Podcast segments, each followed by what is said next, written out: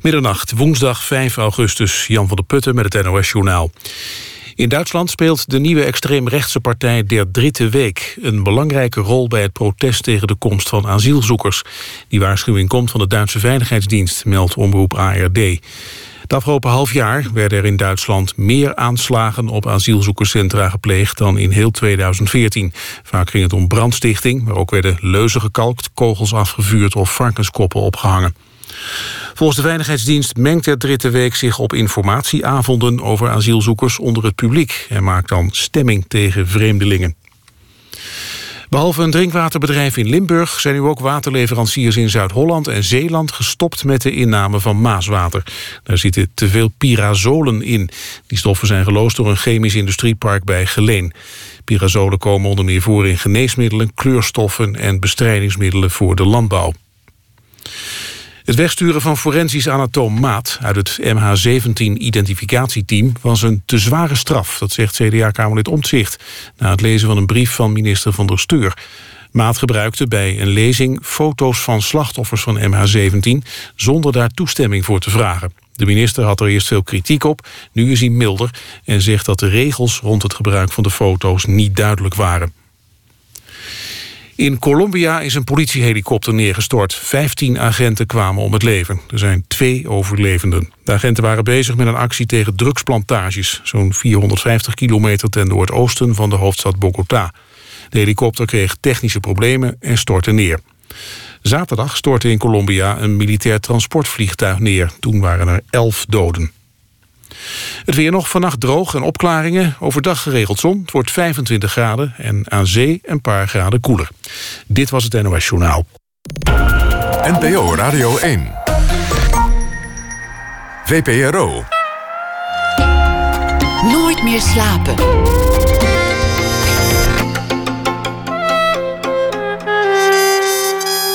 Met Pieter van der Wielen. Goedenacht en welkom bij Nooit meer slapen. Een beetje schrijver zit de hele dag binnen, zei Peter Burwalda, zelf bestseller-auteur, afgelopen zondag in het programma Zomergasten. Die schrijvers die buiten werken of met een laptop in het café zitten, dat zijn geen echte schrijvers.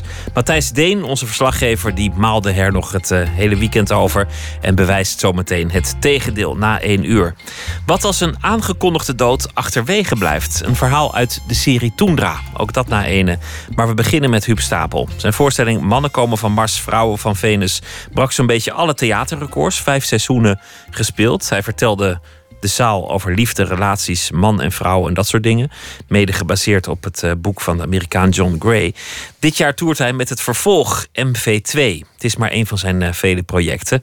Ook te zien in uh, Zwarte Tulp. Binnenkort ook op televisie. Een serie gemaakt door Videoland. Met een topcast over de haat en nijd in de tulpenkwekerij. Zal ook op tv komen als Ruud Lubbers in een uh, nieuwe tv-serie. Er komt ook een toneelversie komend seizoen van de Franse succesfilm Intouchable. Kortom, hij is onvermoeibaar. Vorig jaar werd hij 60. Groeide op in Tegelen in Limburg. Speelde eigenlijk alle denkbare rollen op televisie. Toneel, film. Johnny in Vlodder, maar ook koning Willem I bij de viering van 200 jaar Nederlands Koninkrijk. Hij was ook Napoleon in zijn nadagen, maar zat ook als uh, schurk in Duitse krimis en, en films. Welkom, uh, Huub Stapel. Dag Pieter. Leuk dat je er bent. Ja, goed hier te zijn. Ja, je hebt uh, vijf seizoenen op de planken gestaan met een, met, met, een reeks over relaties, ja. liefde, man, vrouw, het, het communiceren. En al die voorstellingen, 438, 440, 473, voor honderdduizenden bezoekers, ja. al met al opgeteld, vertelde je eigenlijk hoe gelukkig je was met je huwelijk. En intussen scheurde dat huwelijk. Ja. Wat is er gebeurd? Nou, je kunt, uh, ik, ik, je kunt, ik, ik kan. Ik heb zo'n hekel aan dat mensen je zeggen. Hè? Voetballers praten altijd over je. Altijd nee, ik, ik, ik ja. moet over ik. Uh, ik, um, ik heb ik heb dat nog niet helemaal uit, uitgekristalliseerd wat dat was. En ik heb het ook nog niet helemaal geanalyseerd. Maar ik heb wel geconstateerd dat als je um, heel erg hard achter je eigen staart aanrent... dat je dan ook op enig moment het zicht op jezelf kunt verliezen. En, um, en op je relatie en op je vrouw en kinderen. En, um, en dat is dan ogenschijnlijk wat er, wat er is gebeurd. Het gaat schuiven. Nou, nou het gaat schuiven. Nou, hoef Nou je ja, niet het is een beetje wrang als je zelf op het toneel staat als, eh, als een soort. eh, of je afficheert jezelf al als, als kenner of als hè, relatiedeskundige of weet ik veel wat. En je bakt er zelf zo weinig van. Het heeft ook wel iets heel ehm, humorvols, vind ik. de predikant die zelf zondigt? Of, ja, eh, ja, ja, ja, maar dan, of, of dan de leraar toch- die, zelf toch dat, dat, dat, eh, dat er geen vergelijking wordt gemaakt eh, van de predikant die bijvoorbeeld aan kinderen zit of zo. Want dat, dat, dat, dat, dat werp ik verre van me. het is ook geen misdaad. Ik bedoel, een huwelijksstrand, dat, dat nee, gebeurt nee, er iedereen. heel veel stranden elke dag huwelijken. Dus dat is ook zeker geen misdaad. Alleen, ehm, ja, ik zit, ik zit toch helemaal in de analyse van, precies, van wat daar precies is voorgevallen. De tekst bleef ongewijzigd. Ja. Vanaf, vanaf de eerste voorstelling tot de laatste voorstelling. Dat, is, dat, dat kan eigenlijk ook niet. Je kunt niet in een lopende productie die hele tekst gaan aanpassen. Nee. Nou, de, de, de tekst bleef niet ongewijzigd, moet ik zeggen. Hoor. Er, veranderde, er veranderde wel heel veel. Als je, als je de teksten van het begin hoorde en die na 473 keer, dan, dan leek dat nog wel een beetje op elkaar. Maar dat was, dat was toch wel heel veel veranderd. Alleen, ik bracht mijn eigen situatie niet in. Want je zei in het begin, eh, ik ben maar bij mijn vrouw gebleven. Beetje grappend, want dat scheelt zoveel geld, moeite en speeksel om er met een ander van door te gaan. Mm. Dat was, was eigenlijk een van de, de, de eerste grappen die je maakte. Ja. Het lijkt me heel moeilijk om die grap nog overtuigend te brengen als intussen thuis de boel aan het schuiven is. Ja, dat is ook heel moeilijk. En Hoe heb je dat toch gedaan? Blijkt dat te kunnen. Toch blijk, je, blijk ik dan acteur genoeg te zijn om dat eh, zo te doen dat, dat mensen dat ehm, accepteren, geloven. Ja. Hoe doe je dat? Zo doe je dat. Dat is gewoon je vak. Ja, dat is gewoon mijn vak. Dan is het gewoon ook een beetje tekst. Ja. Ja. Wat nooit helemaal de bedoeling is. Althans, in, in, in, in, in mijn belevingswereld zou, zou dat wat ik zeg... eh, eh, pretenderend dat het, dat het privé is en dat het over relatie gaat... eh, zou heel eigen moeten zijn. Dat zou, zou echt ook over mezelf moeten gaan. Wat, wat, wat voorstelling 2 en wat MV2 ook heel erg doet. Dat, moet ook wel, want, want ehm, ja, je, je bent nou eenmaal bekend. Het komt in de krant Ja. als jou, jouw huwelijk klapt. Je begint er meteen mee. Meteen eigenlijk het podium op. Kleine verwelkoming, maar eigenlijk nog niet warm gedraaid. Ja, En dan komt meteen gooi ik het de zaal in. Ja. de vuile was. Nou ja, niet de vuile was. Want we hebben heel lang nagedacht over hoe we dat, konden, hoe, we dat zo konden formuleren... Dat ik, dat ik niet te veel en niet te weinig vertel. Nou, dat. Dat, dat, dat, dat is eigenlijk nog het meeste werk geweest. We hadden, we hadden vrij snel een tekst. Maar dan was het weer te veel. Dat was een, weer te intiem. Dan was het weer te, te, te voyeuristisch. Dan was het weer te, weet ik veel, 100, 100 varianten. En uiteindelijk hadden we een tekst waar, waar, waar iedereen mee kon leven. Ook voorgelegd aan, aan alle betrokkenen. Van, van dit ga ik op een mijn, podium zeggen. Mijn vrouw is niet bij de voorstelling geweest. Nee, daar was ze niet aan toe. Wat Ook ik heel weer voorstelbaar. Ja, Ja. heel voorstelbaar. Ja. Je, je zegt op een zeker ogenblik ook waar je spijt van hebt. Je Mhm. zegt eigenlijk welke fouten je hebt gemaakt. Ja. Dat, je, je zei net van ja, het is, het is allemaal nog, nog vers. Ik, ik ben er nog over aan het nadenken. Ik weet het eigenlijk niet wat Ja. er is gebeurd. Ja. Je zegt ook ergens, het, het was 39 jaar fantastisch. Ja. En drie jaar ineens niet meer. Nou, ja, dan, dan moet je je niet voorstellen dat... dat eh, vrienden zeiden wel eens bij jullie... Wat, wat raar, wat, jullie gaan uit elkaar. Er is bij jullie nooit een onvertogen woord gevallen. Eh, Jullie ook al. Ja, ja, jullie ook al. En, en misschien is dat wel de oorzaak. d- dat er nooit een onvertogen woord is gevallen. Dat je denkt, nou, had een van ons tweeën maar eens met de vuist op tafel geslagen. Of had, hadden we maar eens ehm, gewoon eh, in ons diepste wezen laten kijken. Of hadden we maar eens eh, wat meer eh, ons gevoel laten zien. Denk ik. Zoals die dingen gaan, hoe, hoe, hoe wrang het ook is om te zeggen. Het is voor jou een groot drama, maar het, het is natuurlijk iets wat zo vaak gebeurt dat het ook Ja. bijna clichés zijn geworden. Ja, absoluut. Ja, dat is zo. Dat is zo. En, eh, maar ik, ik, ja, als je 42 jaar met iemand deelt, dan is het toch eh, zaak om eens gewoon goed te gaan bekijken wat er allemaal is gebeurd. En, en, en waar dat nou precies uit de rails liep. Dat vind ik toch wel de moeite. Ben je zelf veranderd? In, in de afgelopen drie, vier jaar? Nou, ik, ehm, ik praat met een, eh, met een eh, mevrouw eh, om, om mijn bovenkamer een beetje op orde te krijgen. Met een psychotherapeut. Want in zo'n vak kun je ook jezelf kwijtraken. Kun je ook door wat dan ook, door succes of door weet ik veel wat gedreven en gedwongen, kun je het zicht op jezelf verliezen. En ehm, ik heb dat zicht op mezelf heel erg nodig om de rollen zo te kunnen spelen ehm, zoals ik ze wil spelen. Zeker ook zoals jij speelt. Want het is ook deel van jouw filosofie en kracht als acteur.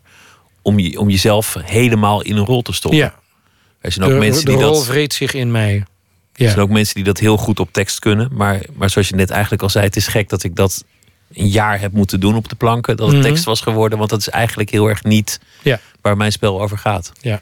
Peter de Baan zegt altijd: de rol vreet zich in jou.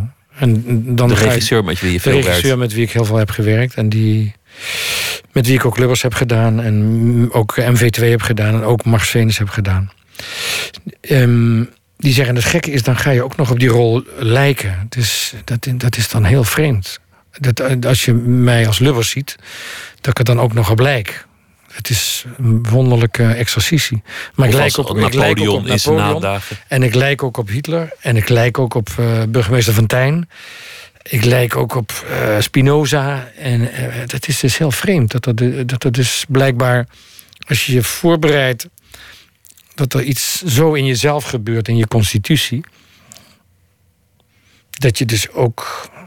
Ja, dat je, je wezen daardoor aangeraakt wordt. Ik weet niet precies hoe ik dat moet zeggen, maar... Dat je op een gegeven moment denkt, wie is Huub Stapel eigenlijk?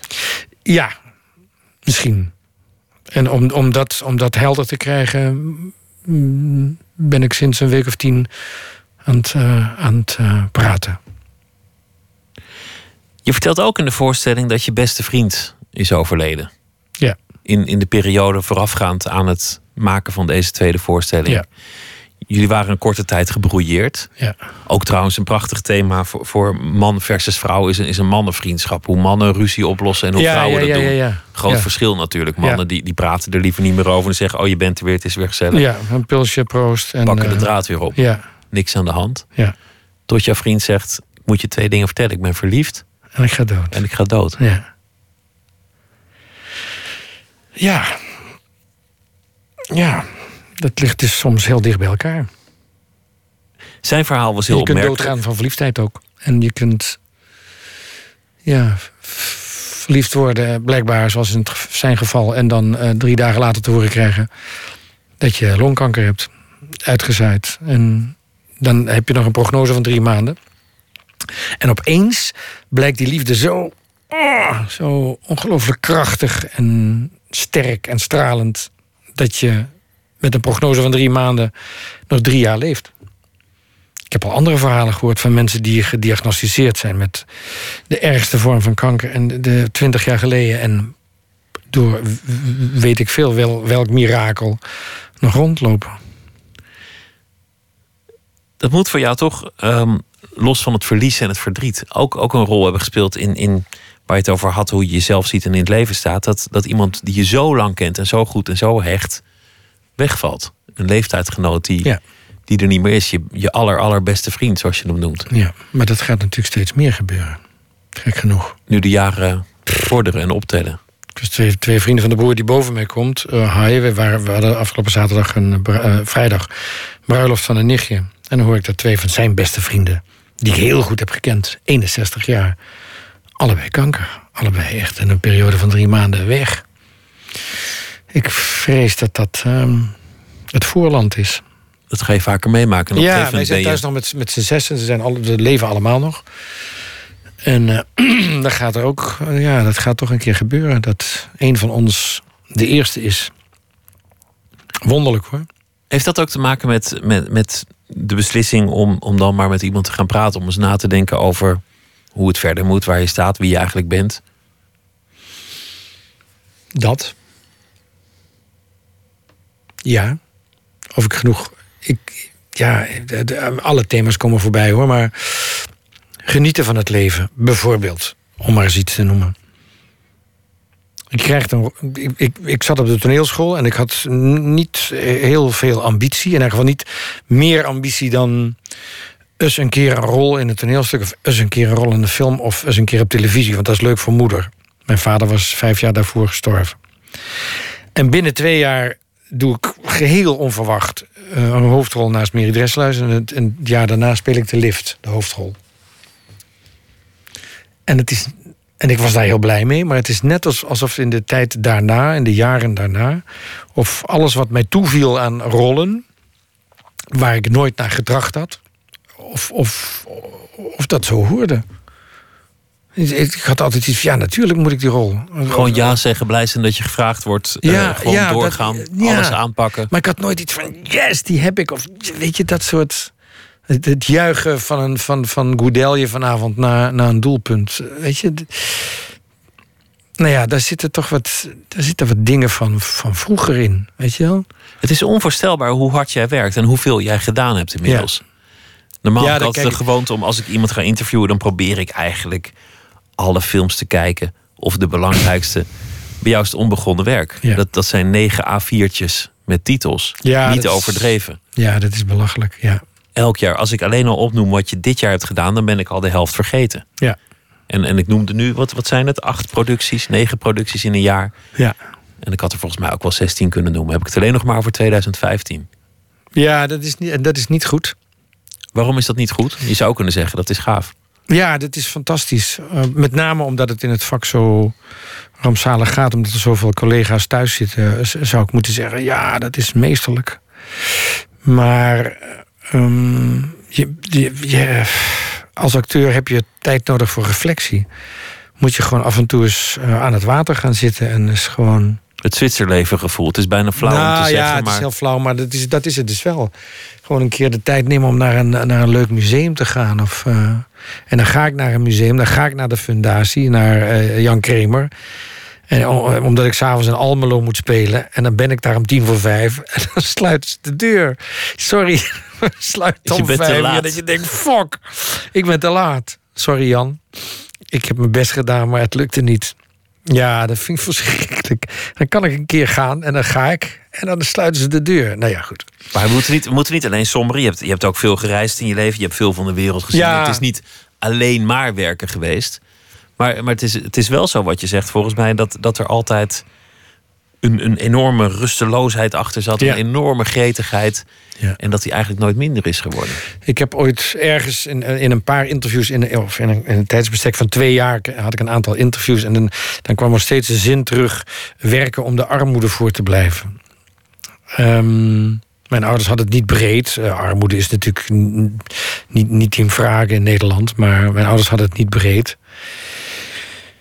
En um, toen dat eenmaal ging marcheren met mijn carrière, toen dacht ik van ja, maar ik, ik wil dus niet in zo'n. Kijk, als ik ga werken en ik, als, ik wil, als ik ga acteren, dan wil ik in elk geval wel. Dan wil ik in de eredivisie spelen. Dan wil ik niet uh, de derde paal van links. Dus ik heb, uh, ik heb, ik heb er wel altijd het schompers gewerkt. Ik heb ook heel vaak als, als collega's in de kroeg zaten. Dan zat ik thuis met een tekst, of was ik aan het analyseren of aan het denken over hoe ik iets, iets moest spelen. Ik, ik heb er wel serieus hard aan gewerkt, ja. En nooit gedacht, ach, nou ja, ik kan het wel rustiger aandoen. Of, of het is niet erg als ik, als ik er drie maanden niet ben. Of nee. ik kan wel een keer een productie overslaan of twee. Nee, ik dacht altijd dat ik zeer onmisbaar was.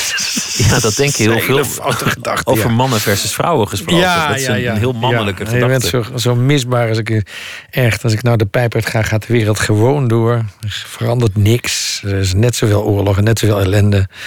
En net zoveel vrees en huiver. En maar ja, je hoeft het ook niet voor een ander te doen. Nee, nee, nee, nee, absoluut niet. Nee, nee, nee. Maar af en toe wat meer reflectie of zo. Ik, ik heb wel eens het gevoel dat ik, het, dat, ik, dat ik veel momenten laat voorbijgaan. Dat ik zit te denken aan straks, of morgen, of volgende week, of volgende maand. En dat ik niet genoeg nu. Er is ook een nieuwe liefde dat, is, dat is natuurlijk het goede nieuws. Dat vertel je ook in de voorstelling. En je roept eigenlijk ook iedereen op: maak eens gewoon actief tijd voor je liefde. Maak eens mhm. ook tijd om, nou ja, zeg eens gewoon: morgen kan ik niet, want morgen lig ik met mijn liefje in bed. Ja. Eigenlijk een hele mooie oproep. Prachtig. Ja, heel mooi. Moet je het nog doen ook nog. Moet je het nog doen ook. Mhm. Zullen we gaan luisteren naar eh, muziek van eh, iemand uit Glasgow, C. Duncan. Hij is 26 jaar oud en het nummer heet C.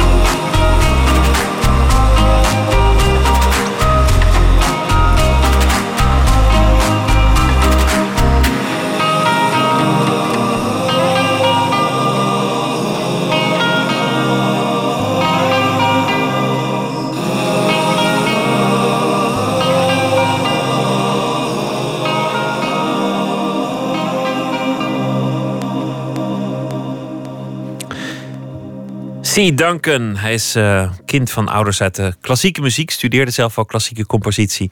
Maar eh, belandde in de popwereld. En dit heette dan ook C. En eh, dat is een nou ja, voorbeeld daarvan. Huub Stapel is hier het gast in Nooit meer slapen. We hebben het al gehad over nou ja, alles eigenlijk. Echtscheidingen, sterfgevallen, Ja. ouder worden. ehm, de hete adem in je nek. En je zei, ja, ik, ik zit in een fase van reflectie. Vraag me eigenlijk af of het, of het nog allemaal wel zo hard moet gaan. Of het allemaal wel door moet gaan in het tempo waarin ik het gedaan heb. En of ik niet gewoon eens, eh, nou ja, misbaar kan, kan blijken te zijn. Of ik het niet eens wat rustiger aan eh, kan gaan doen. Ja, nou ja, niet per se rustiger aan. Maar we- wel met grotere tussenpozen. Niet ehm, van het een naar het ander hollen. Zoals je toch wel hebt gedaan. Ja, laatste heb ik wel gedaan. En ook eh, twee dingen door elkaar heen. Ik was, ik was op een gegeven moment was ik het afgelopen jaar was ik of eh, misschien was het net vorig jaar. Nee, dat was het afgelopen jaar. Goedenavond dames en heren. En Zwarte Tulp door elkaar heen aan het draaien. Dat was natuurlijk ook En het zijn krankzinnig lage, lange dagen. Hè? Want 13, 14 uur, dat, dat is nog Ja. niks. Nou ja, om de- met name ook omdat ik natuurlijk s'avonds... eh dan stond ik 's ochtends op. En was ik om, eh, weet ik veel, acht uur op de, op, op de set. En dan om negen uur eerste scène. Eh, Door tot vier uur. En dan in een auto springen. En dan ergens naar een theater. En dan spelen tot één uur s'nachts. En de volgende dag weer. Dat was natuurlijk ook mijn eigen eh, ding. Maar ehm, ja, dat is, niet, dat is niet voor herhaling vatbaar. Dat is niet heel erg gezond. En gelukkig slaap ik heel goed. En kan ik ook dutjes tussendoor doen en zo. Maar dat is niet Dat is iets... heel belangrijk. Je moet altijd wel blijven slapen. Ja. En, en eten. En eh, niet al te veel drinken. En En het dat programma soort heet dingen. Nooit meer slapen. Ja. Nooit meer slapen. Ja. Ja, ja. ja, zie je. Hermans, Mensen, Eat Your Heart Out. Ja, mensen die het hard spreken, doen zelf het eh, Mhm. altijd het minste. hè. Dat, zo werkt dat. ja ah, verdomme. Je vertelde ook over je ouders meteen. Je zei van, we waren niet echt arm, want het blijft toch Nederland. Maar we hadden het ook zeker niet breed. Ja. En eigenlijk tegen alle gegeven omstandigheden kwam ik op die toneelschool en, en lukte het ineens. Het is een bekende anekdote dat, dat jij ook voor een voorstelling altijd even aan je ouders denkt en ze zelfs in gedachten toespreekt. Ja. Dat doe je nog steeds. ja, dat doe ik eigenlijk nog steeds. Zo'n vast ritueel. Ja. Een schietgebedje eigenlijk, maar ja, dan... nou ja, ik ben een totale atheïst. Misschien wel atheïst voorbij. Maar, maar ik, ik vind het wel heel leuk om, om Jo en Corrie even, even aan te spreken. Te zeggen, eh, kijk even mij. Hè? Limburgs, ja. blief, blief er maar even bij, is goed. Ja, zoiets zeg ik dan, geloof ik. Kijk maar even mee, blijf er maar even bij. Heeft er ook mee te maken dat, dat, dat die ouders kennelijk nog steeds een rol spelen in, in je motivatie of, of afwegingen Ja. van hoe je, hoe je je werk doet. Ze hebben zich ontzettend veel moeten ontzeggen om ons allemaal eh, te laten worden wie en wat we zijn. Met veel aai over de bol. En veel, ehm, veel liefde. Ehm, en ze hebben zich moeite getroost om, om, om eh, ons allemaal te laten studeren. En het is in het ene geval een beter gelukt dan het andere, maar ze hebben zich die moeite getroost. Dus ik, ja. Dus daarvoor alleen al verdienden ze wel een klein standbeeldje, vind ik. Eigenlijk ben jij dus iemand die zich ontworsteld heeft aan, aan, aan het nest waar hij vandaan kwam. Nou, dat, ik, ik geloof dat we dat eh, bij ons thuis was. Bedoel, pa die had HBS gedaan, kwam door een, tragisch misverstand, toeval. Of in elk geval een ongelukje, werd hij vertegenwoordiger in snoepjes. Terwijl hij eigenlijk naar het conservatorium had gewild, omdat hij heel, heel mooi kon zingen en, en viool en piano en accordeon speelde. En Ma was, was de, de, jongste dochter van een heel groot boerengezin van negen kinderen. Uit, uit Weert, uit Maarhezen. Eh, en ehm, die werd onderwijzeres. Nou, die twee mensen worden verliefd op elkaar in de oorlog. En dan komen ze door een stom gedoe komen ze in een snoepwinkel terecht. En dat wordt eigenlijk een beetje eh, een, blok aan het been. En, eh, maar goed, ja, er was bij ons eh, heel veel cultuur. Mijn moeder kende honderd gedichten uit haar hoofd. Mijn vader kon heel mooi zingen. Die leerde ons meerstemmig zingen. Was fan van de Beatles en de Stones. Dus er, er was wel, eh, wel reuring. Ik bedoel, eh, mijn oudste broer die ging sociologie studeren. Mijn zus werd remedial teacher. En, en mijn andere broer ging geschiedenis studeren. Dus, wauw, dat ging Het allemaal was wel. ook allemaal, niet narigheid. Hebben ze zelf het leven geleid dat ze wilden leiden? Nee. Nee. Want daarvoor hadden we geen geld. En toen, toen, maar, toen- of toen ze tegen elkaar zeiden eigenlijk... Ja, over, over drie jaar dan, dan zijn we met pensioen... en dan gaan we, gaan we de wereld ontdekken. Ja, toen viel mijn vader dood om. Dus eh, toen was het klaar. 62. 62. Je bent nu 60. Ja. Speelt dat een rol? Nog twee jaar te gaan? Nou ja, dat heeft bij, bij, bij de oudste drie, vier... heeft dat natuurlijk wel een rol gespeeld. Want de boer die eh, boven mij komt... die wordt dit jaar... eh, die wordt, nu, 16 augustus, wordt die 62. Hi. En dan is de rest er al overheen. Dus ik heb goede hoop dat ik het zelf ook... eh, Maar het is wel een mentale mijlpaal. ja, Als- Ik- mijn, als- mijn zusje was de eerste die 62 zou worden.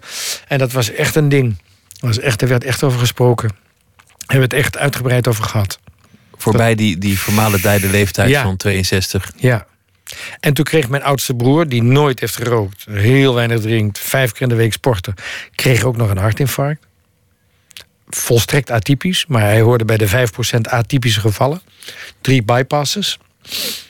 En toen, eh, toen bleek er een soort hartafwijking in de familie te zitten. Dus ik ben zelf ook eh gecatheteriseerd. Oh ja, je hebt ook een klein, een klein ik, ik had helemaal niks. of een, of een Maar dingetje. ik heb het wel meteen laten doen. Eh, eh, maar, het lijkt een muggenbult Ja, trouwens. het lijkt een muggenbult, maar het is katheterisatie. Oké.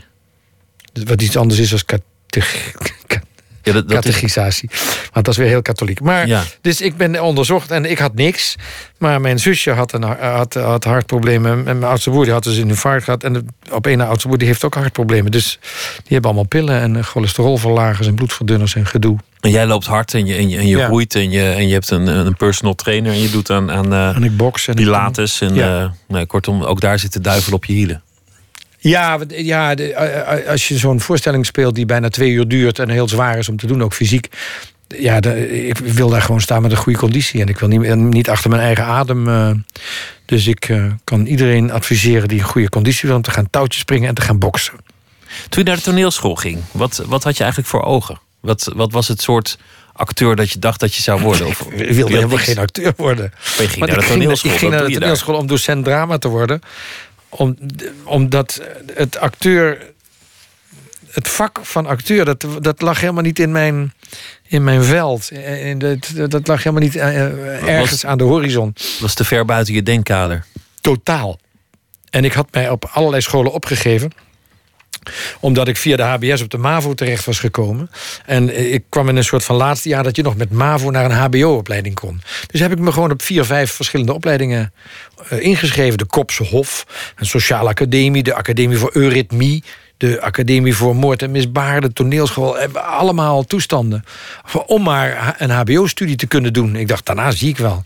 Nou, uiteindelijk werd ik afgewezen op de toneelschool in Maastricht, waar ik toelatingsexamen deed. Met het verzoek om nooit meer terug te komen. Want er was geen talent en ook geen zicht op de ontwikkeling van enig talent de komende jaren. Ach, wat een heerlijke Wat een afwijzing. mooie, ja, ja, ik heb hem thuis nog liggen, die envelop. Dat is ook een, een prachtige motivatie meteen. Ja, je, dus- bedoel, als je iemand afwijst, doet dan op zo'n manier Ja. dat, het, dat het hem de rest van zijn leven zal stimuleren. Ja, nou, dat heeft het gedaan.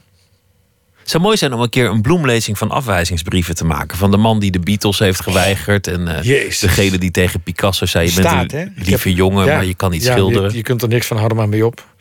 Eh, Van Gogh, er zijn allemaal afwijzingsbrieven. Eh, heel- Van, van alle grote kunstenaars. Die, die, die kunnen er zo. Van de Koning heb ik gelezen. Echt ook. Scheid er maar mee uit met die flauwekul. Echt tientallen. Je moet hem inlijsten. Je moet hem uit die envelop halen en, Ja, en eigenlijk boven, je, boven je muur Ja. hangen. Ja. Je ging spelen en, en jullie. eh, er was op een gegeven moment een zin die circuleerde tussen jou en, en een vakgenoot. Sjoerd Plezier was, geloof ik. Laten we eerst beroemd worden en dan goed. Ja, ja, dat zeiden we echt tegen elkaar. Dat hebben we echt letterlijk tegen elkaar gezegd zo. We worden eerst beroemd en dan goed. Wat bedoelden jullie? Eerst, eerst maar gewoon zorgen dat je. Dat je bekend bent. Dus je een plek zat- hebt. Ja, ik zat nog in, in, in het laatste jaar van de toneelschool. En Sjoerd was net afgestudeerd. En die kreeg de hoofdrol in een serie van Willy van Hemert, De Weg. En ik, ik eh, had ook een rol in die serie. En ik zat nog op, op, school. En ja... De weg. Was je, was je toen NSB'er of was dat weer een Nee, andere nee, rol? dat was, eh, dat, was de, dat was de schorpioen. Oké. Of was dat... Nee, wacht, NSB in een café. Dat was het meisje met rode haar. Oh ja. De meisje met rode haar. Ehm, nee, ja, we, we, Nou ja, meteen al best veel dus eigenlijk. we, we- we gingen meteen aan de gang. En, en meteen ook tv-series. En we deden allemaal dingen die God verboden had. Want je, je, ik, mijn eerste rol was in een vrije productie met Mary Dresselhuis. Harold en Maud. En ehm, ja, dat, dat, dat, mo- dat mocht helemaal niet van, vanaf de toneelschool. Dan moest je bij Baal. Of bij toneelgroep Amsterdam. Of bij Globe. Of bij zo'n theatergroep. Iets die wat- dat wat chic. Chic. Artistiek. OT, onafhankelijk toneel, daar moest je bij, artistiek. En wij gingen gewoon bij Willy van Hemert en met, met Mary Dresselhuis. Dat, dat kon natuurlijk helemaal niet. Maar het interesseerde mij geen reet. En toen kwam de lift. Met, kwam de lift. met de legendarische zin groene zeep, groene zeep. Ja. de, de portier komt aanrennen. Iemand zit met zijn hoofd tussen de liftdeur. De lift komt eraan. En, Ja. en die man die rent weg om groene zeep te halen. Ja. God weet waarom. Dat was Kees Prins volgens mij, hè? Is lang geleden, maar ik, ik Ja, het was, volgens mij dat was het Kees Prins. En de man met het hoofd in de, in de liftdeur was Gerard Tolen.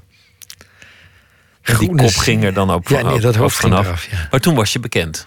Na die Ja. film. Toen was het, dat was de doorbraak. En daarna, de rest is geschiedenis. Ja. Wanneer werd je goed? Echt goed? Oh, ik denk dat de laatste 10, 12. Ik denk dat het een beetje is begonnen bij de Partizanen, denk ik. Een, een, een, een serie die zich helemaal in Limburg afspeelde. In de Tweede Wereldoorlog. Uh, Teu Boermans, regie. Heel veel mensen van de Het was Trust. best laat dat je, Best dat je jezelf goed vond. Nou, dat dat, dat, begon, dat, dat, begon, eh, dat dat parallel begon te lopen met hoe ik wilde spelen. Dat dat, dat, dat samenviel. Dat, dat, dat ik zelf een beetje begon samen te vallen met, met de rollen die ik deed. Want dat is wat je eerder zei. Je, je moet in je rol zitten. Het mag geen tekst zijn. Het mag, het mag niet zomaar Ja. een, een typetje zijn. Ja, J- jij moet Napoleon worden. ja, jij moet kruipt in mij. Lubbers worden. Of, of, of wie je ook speelt. De rol moet in jou kruipen. Dan vind je jezelf goed. Ja, ja, de kern proberen te raken van wat een, eh, ja, de- van wat een wezen is. Wat ik en regie en tekst eh, denken dat de kern zou kunnen zijn. Want het blijft natuurlijk toch voor, voor een groot gedeelte ook speculeren. Hè? Maar hoe doe je dat eigenlijk? Hard werken. Heel veel kijken. Ik heb heel eindeloos, het geval van Fontijn, of het geval van Lubbers, eindeloos bestuderen. Kijk hoe iemand loopt, kijk hoe iemand kijkt, hoe die zit, hoe die beweegt. Lubbers is natuurlijk ook uit, van, vanwege de persoon enorm veel tekst. Daar stond hij Heel onbekend. veel tekst. eh, veel denken. eh, en dan op een zeker moment ga je dan zo praten ook. Eh, nou ja, goed. En dan, dan, ja, dan incorporeer je dat langzaam maar zeker. En dan... op een gegeven moment zegt de regisseur dan... ja, dat gaat ja, iets minder dat, iets meer dat. En dan, ja, dan kom je Maar dan, zit Lubbers in jou, maar jij zit natuurlijk ook in, in de Lubbers die, die jij op het podium brengt. Betekent dat ook dat je dan in jezelf eigenlijk moet zoeken of er, of er ergens een, een handige politicus in jezelf zit? Of, of in het geval Ja, van Napoleon dat- een, ja. een afgewezen dictator in jezelf Ja. zit. Ongetwijfeld. Ja, of, eh, ik weet niet of er een handige politicus in mijzelf zou zitten. Want ik zou binnen twee dagen slaande ruzie hebben. Met alles en iedereen. Want ik zeg gewoon alles. Ja, dat is natuurlijk in de politiek. Is dat iets wat. Wat, wat, Wat helaas niet kan. Nee. Hoewel ze allemaal zeggen dat ze altijd zeggen wat ze denken, maar dat is natuurlijk niemand. niet zo. Nee, en dan, daarom zijn dat, zijn dat zijn witte raven. Noem je dat zo? Een witte raaf? Jan Marijnissen of, of vroeger Marcus Bakker. Dat zijn dan natuurlijk. Dat zijn natuurlijk echt, echt lichten in een verder eh, pikdonkere nacht. Maar als je, Zo'n Lubbers, eh, of hoe heet die, eh, Rutte. Als je die om elke vraag hoort heen draaien, dan hoor je het. Dan hoor je die ongelooflijk handige, gewiekste debater die die is. ehm, die nooit echt een antwoord geeft. Dat is om gek van te worden, werkelijk. Ik, eh, ja, dan, dan ben je goed in je werk. ja, dan ben je dus heel goed in je werk. Maar het is wel om, om, om, om gillend gek van te worden. Napoleon vind, ik ook interessant. Een, een voorstelling van Napoleon eh, in de allerlaatste fase. Verbanden naar Sint Helena. Ja. Een man die, die niet meer terug zal komen. Daar hebben ze wel voor gezorgd. Zit ook op, op een... Ja, hij kampt met gezondheidsproblemen. Het, Ja. het is een vochtige puist ergens in de oceaan. Waar Tussen nooit iets gebeurt. En Zuid-Amerika. Allebei even ver vandaan. Precies in het midden. Kortom, zie er maar vandaan te komen. 3000 eh, eh, militairen.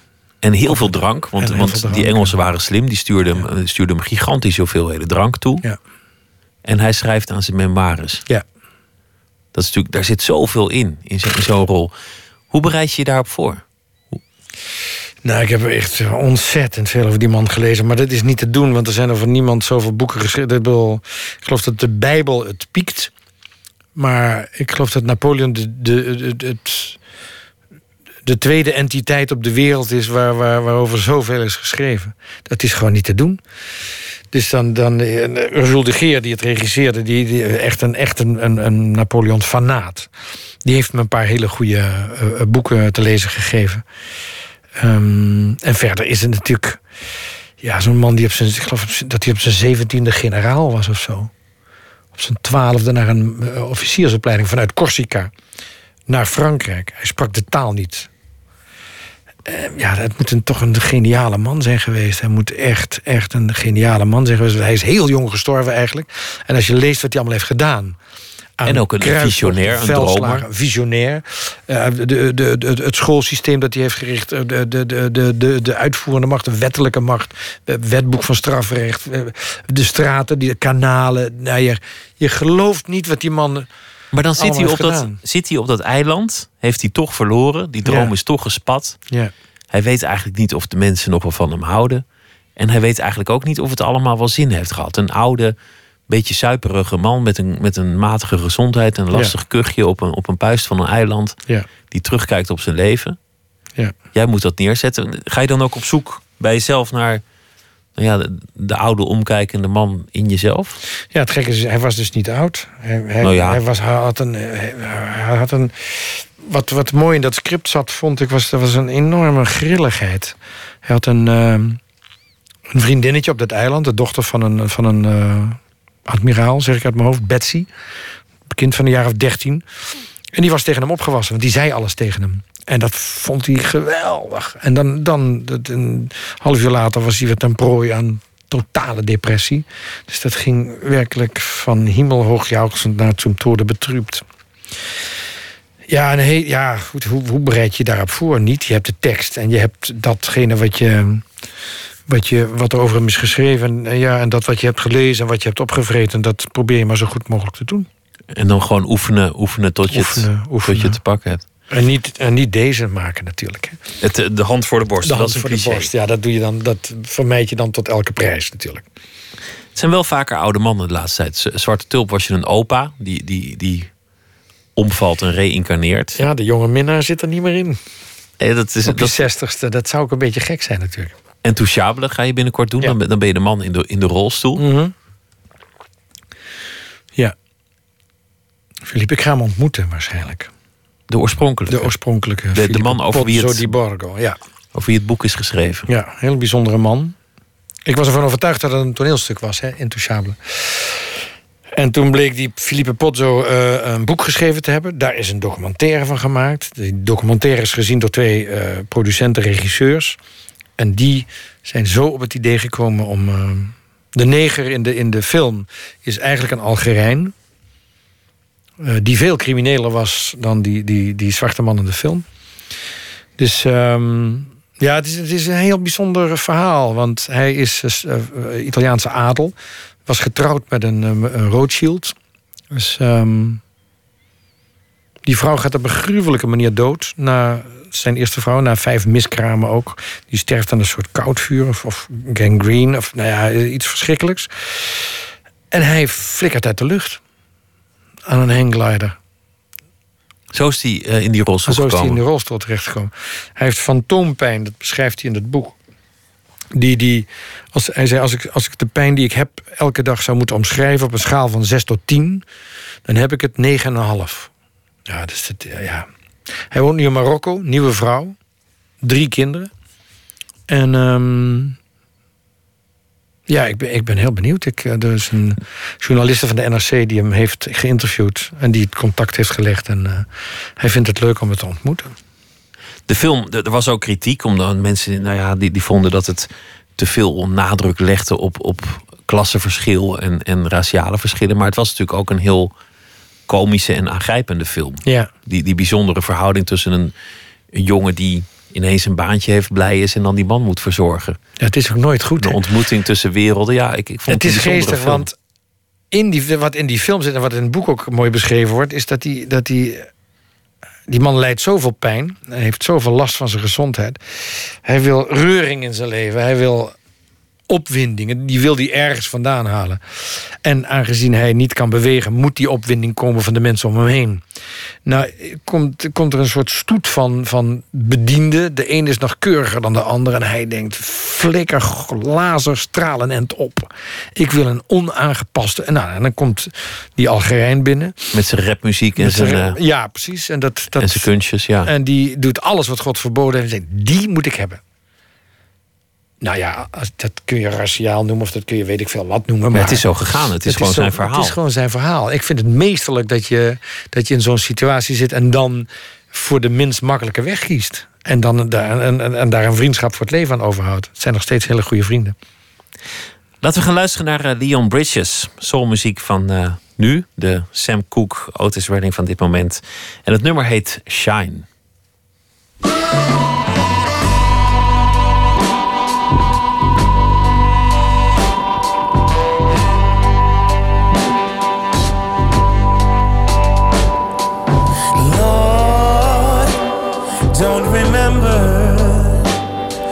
My sins, my sins from my youth.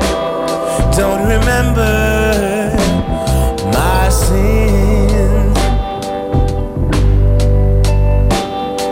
And Father, please remove my transgressions. Let them blow in the wind like sand. All of my deeds, you know them.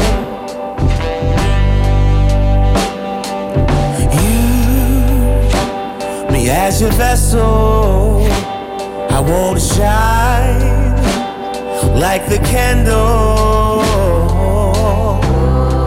Shine like the burning candle in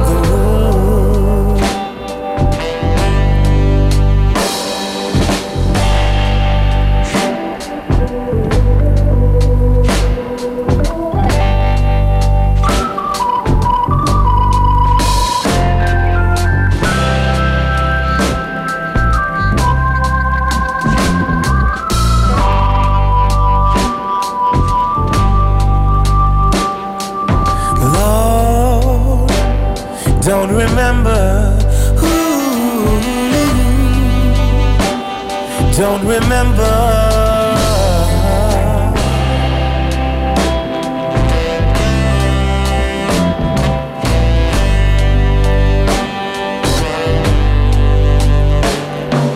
And Father, oh, please remove my transgressions. Let them blow in the wind like sand. Cause all of my deeds,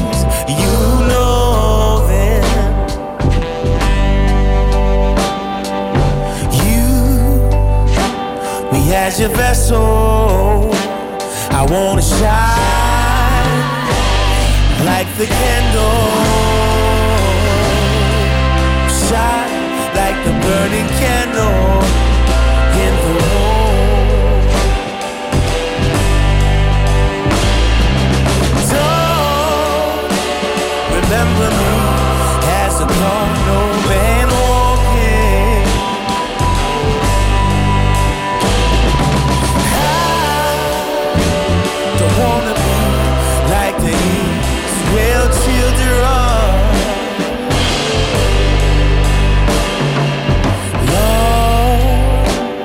don't remember. Don't remember. My sins from my youth.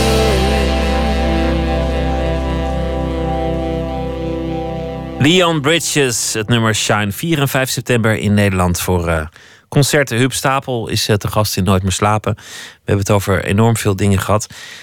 In MV2, je, je voorstelling over man en vrouw. Het, het, het recept is globaal hetzelfde als het eerste. Het, het is een eh, bewerking van een Frans toneelstuk. Althans, dat was deel 1 van een Amerikaanse bestseller over de verschillen tussen man en vrouw. Ja. Veel herkenning, veel hilariteit in de zaal. Mhm. De, de, de zaal lacht erom.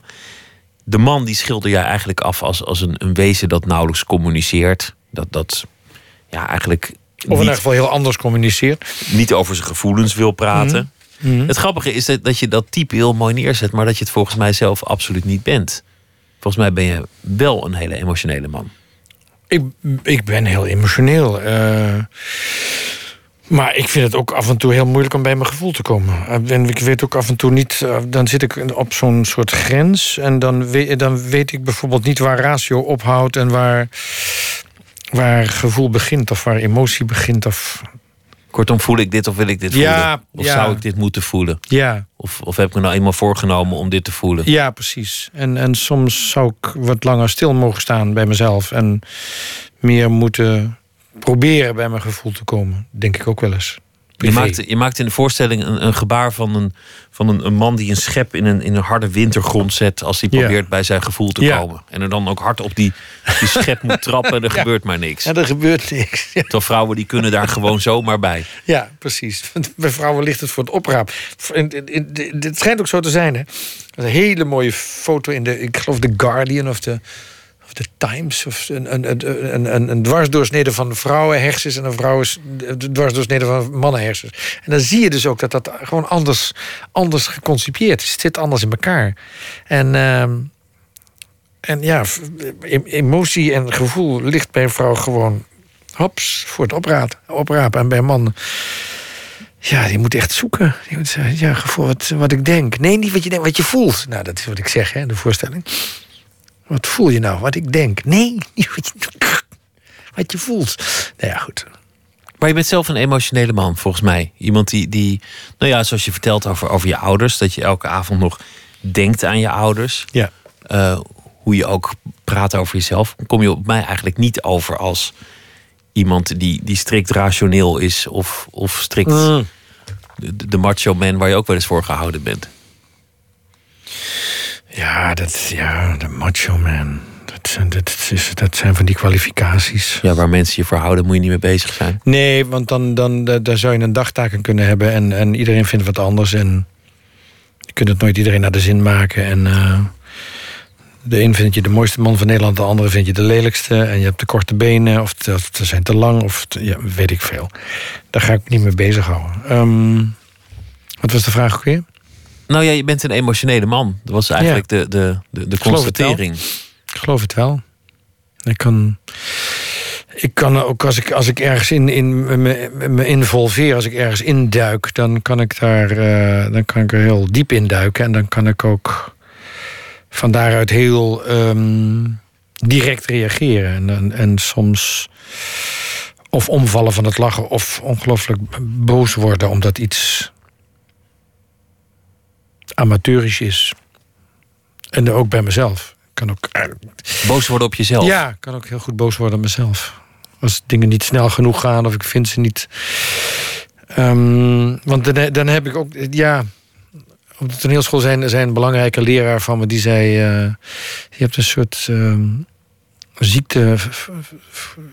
En, die noem ik perfectionisme. En, en die zei, je, hij zei: Je moet de tijd nemen om, om, om te onderzoeken. De tijd nemen om, om je rol te exploreren. En niet meteen bij de eerste repetitie willen dat er een soort eindresultaat is. Ga nou eens gewoon.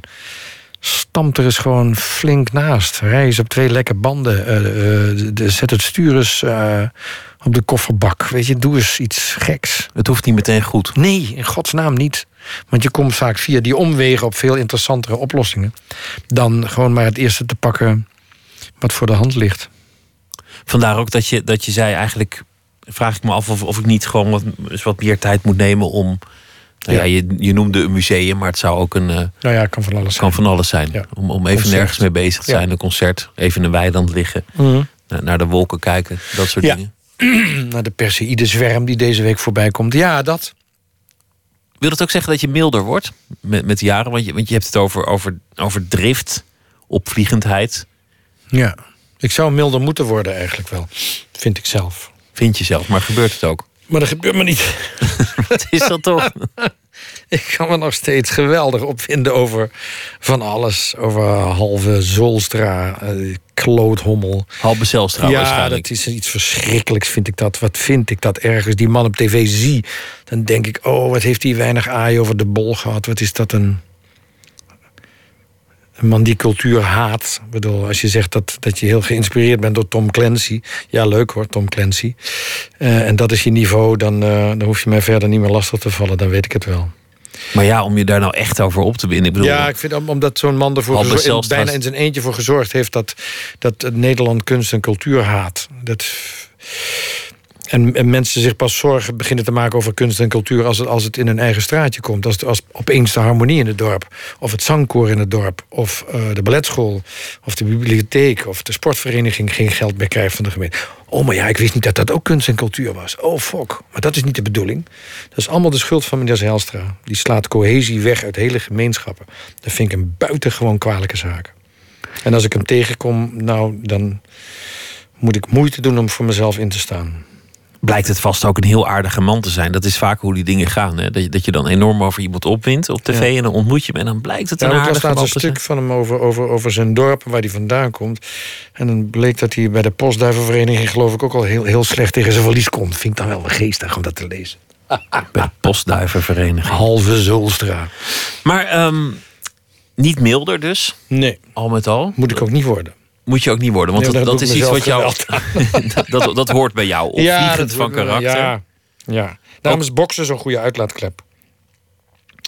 Ik, ik, ik vecht met een echte, met een echte, eh, met een, eh, met een kickboxer. Met Michel. En eh, die doet een beetje in, die doet handschoenen aan. Die zegt, nou, probeer me maar te raken. Nou ja, goed. Dat vind ik leuk. Toch, je zei er zijn allemaal dingen aan het, aan het veranderen. Ik weet het eigenlijk nog niet precies. Ik ben met iemand aan het praten. Ik ga dingen anders doen. Een deel blijft hetzelfde. Je, heb je nog eigenlijk dromen, dingen waarvan je denkt: dit zou ik echt nog heel graag willen? Of, of als ik nu omflikker, dan heb ik dit nog niet gedaan. Of ik hoop eigenlijk dat mijn leven uiteindelijk nou ja, hierover is gegaan. Ehm, ik denk, eh, als, als ik morgen omflikker... dan eh, mogen ze op mijn graf zetten dat ik me gek heb gelachen. En dat ik veel meer heb gezien en gedaan... dan ik ooit had durven dromen. Dat is, nou ja, Dat is al heel mooi. dat is toch heel mooi? Maar dat is nog ook wel tamelijk hedonistisch. Ja, En zo zit je eigenlijk niet in elkaar. nou, heb je even? Ja? Nee, ik ben ook wel een hedonist. Nee, maar goed, als het over wezenlijke dingen gaat, dan gaat het over. Dan gaat het over de kinderen. Dat het allemaal goed gaat en goed terechtkomt. En die, die beginnen nu. eh eerste stappen, studie. En weet je, ja, dat, dat moet allemaal goed lopen. Dat moet goed. Naar mij hoef je niet meer om te kijken. Ik red me wel. Maar die zijn in de twintig, dus, dus dat Ja. is al, al ver gevorderd. Ja. Dat, dat is eigenlijk, nou ja, je hebt niet meer zoveel invloed erop. Nee, nee, nee. Niet, niet invloed, maar ja, de, de hoop dat ze. De hoop, ja, die, de hoop die elke ouder heeft, die van zijn kinderen houdt, dat ze goed terechtkomen. En hoe ze jou zien, maakt dat nog uit? Heb je daar een, een Ik heb- gedachte over van ik hoop wel dat ze dit van me zullen zeggen? Of, Ja, ze mogen zelf weten hoe ze. We, we- we hebben wel aan tafel gevraagd of ze vonden dat ze een leuke jeugd hadden gehad. En toen zeiden ze allebei volmondig ja. Daar hebben we geen enkele klacht over. Nou, dat is mooi. dat vind ik mooi. Dus ze zijn veel geknuffeld, veel aai over de bol, veel gezoend, veel eh, ga maar naar buiten, kijk maar. En als er problemen zijn, kom maar terug en vraag maar of niet, of los het zelf op. Of, Ehm, ze hebben een, een redelijk zo maximaal mogelijke vrijheid gehad om, om, om zichzelf te ontdekken en, en, en hun leven te exploreren. Dus dat, dat lijkt me heel goed. Je zoon rijdt je ook af en toe hè, naar, je, Ja. naar je voorstellingen. Ja, niks leuker dan dat. En dan, dan brengt hij, dan doe jij een dutje in de, in de wagen en dan, Ja. dan kom je aan en dan Of zegt ik hij, praat met hem. dan zegt pa, we zijn er. En, en hij is dus kennelijk ook wel trots op je. Ja, ik, jawel. Ik geloof wel dat ze, alle, dat ze allebei wel trots zijn. Ja. Dat hebben ze ook wel dat laten ze ook af en toe wel merken. Ja. Als je vraagt hoe, hoe vind je dingen of hoe, hoe vind je rollen of is dit gelukt of is dat gelukt. Ja. Ja.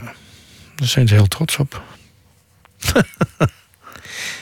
Ik wens je heel veel succes met, eh, met, met al die projecten die je toch Ja. eh, gaat doen in de komende maanden. Waaronder eh eh, Enthousiable. Vanaf ja- januari gaan jullie beginnen met repeteren. En in het voorjaar is dat volgens mij op de planken te zien. Ja. En Zwarte Tulp vanaf september te zien. De serie waarin je Lubbers speelt vanaf september te zien. Ja. MV2 is nog het hele seizoen en het seizoen erop vermoedelijk ook te zien in alle theaters in Nederland. We beginnen Binnenkort- Lamar volgende week. Volgende 14e. week in Amsterdam. Ja. Kortom, dat rustiger aandoen, dat, dat moet je in je agenda zetten voor 2017 of Ja. zo, denk ik. Of Beloofd. 2018. Nou ja, ik beloof niks. Nooit doen, want, want beloftes, die, eh, je weet hoe dat gaat. Nee, we harken gewoon door. Dankjewel, Huub Stapel. Leuk dat je er was. Dankjewel. Zometeen gaan we verder met eh, Nooit meer slapen. Rutger Lem die heeft een eh, verhaal geschreven. En we gaan het hebben over de vraag of echte schrijvers binnen zitten. Of ook wel eens met mooi weer buiten mogen schrijven. Een eh, belangrijk eh, hoofdstuk uit de literatuurgeschiedenis. Dat allemaal zometeen Twitter, het VPRO NMS. Of de mail nooitmeerslapen.vpro.nl.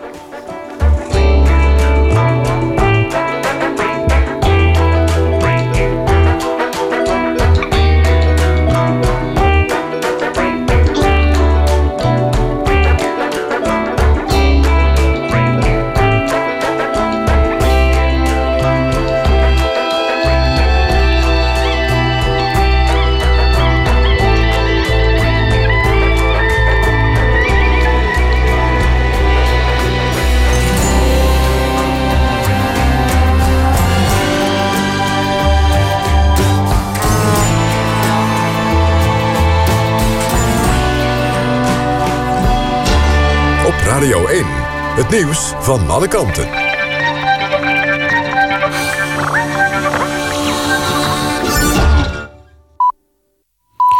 1 uur, Jan van der Putten met het NOS-journaal. In Duitsland speelt de nieuwe extreemrechtse partij Der Dritte Week... een belangrijke rol bij het protest tegen de komst van asielzoekers. Die waarschuwing komt van de Duitse Veiligheidsdienst, meldt omroep ARD. Het afgelopen half jaar werden er in Duitsland meer aanslagen op asielzoekerscentra gepleegd dan in heel 2014. Vaak ging het om brandstichting, maar ook werden leuzen gekalkt, kogels afgevuurd of varkenskoppen opgehangen. Volgens de Veiligheidsdienst mengt der Dritte Week zich op informatieavonden over asielzoekers onder het publiek en maakt dan stemming tegen vreemdelingen. Behalve een drinkwaterbedrijf in Limburg zijn nu ook waterleveranciers in Zuid-Holland en Zeeland gestopt met de inname van maaswater. Daar zitten te veel pyrazolen in. Die stoffen zijn geloosd door een chemisch industriepark bij Geleen. Pyrazolen komen onder meer voor in geneesmiddelen, kleurstoffen en bestrijdingsmiddelen voor de landbouw. Dirk Sauer stapt op als directeur van het Russische mediabedrijf RBK. De Nederlandse mediaondernemer bevestigt berichten daarover in de Russische media. Het feit dat hij als buitenlander leiding gaf aan een Russisch mediabedrijf... werd een politieke kwestie, vindt hij. Sauer kwam de afgelopen tijd onder druk te staan. Om het voortbestaan van het bedrijf niet in gevaar te brengen is hij opgestapt.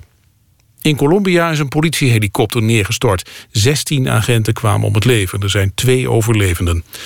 De agenten waren bezig met een actie tegen drugsplantages. Zo'n 450 kilometer ten noordoosten van de hoofdstad Bogota. De helikopter kreeg technische problemen en stortte neer. Zaterdag stortte in Colombia een militair transportvliegtuig neer. Toen waren er 11 doden. Dan nog het weer. Vannacht droog en opklaringen. Overdag droog en geregeld zon. Het wordt 25 graden. Aan zee een paar graden koeler. Dit was het NOS Journaal. NPO Radio 1. VPRO. Nooit meer slapen.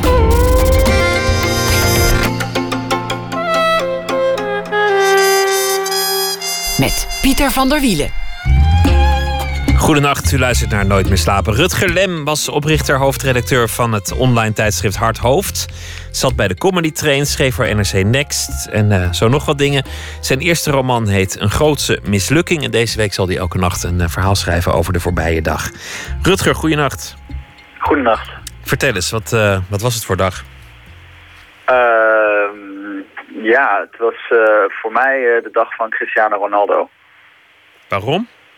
Ehm, ik zag dat eh, Cristiano een, eh, een interview had gegeven eh, naar aanleiding van een eh, campagne die hij voert voor een nieuwe koptelefoonlijn.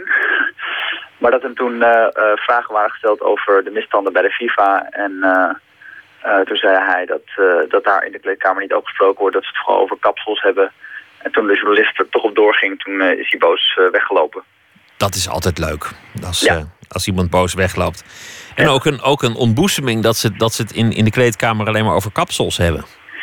Ja, dat is bijna zo eh, eh, volgens het cliché dat je, dat je denkt dat hij een grapje maakt. Maar het zal, eh, hij heeft denk ik niet veel gevoel voor humor. Dus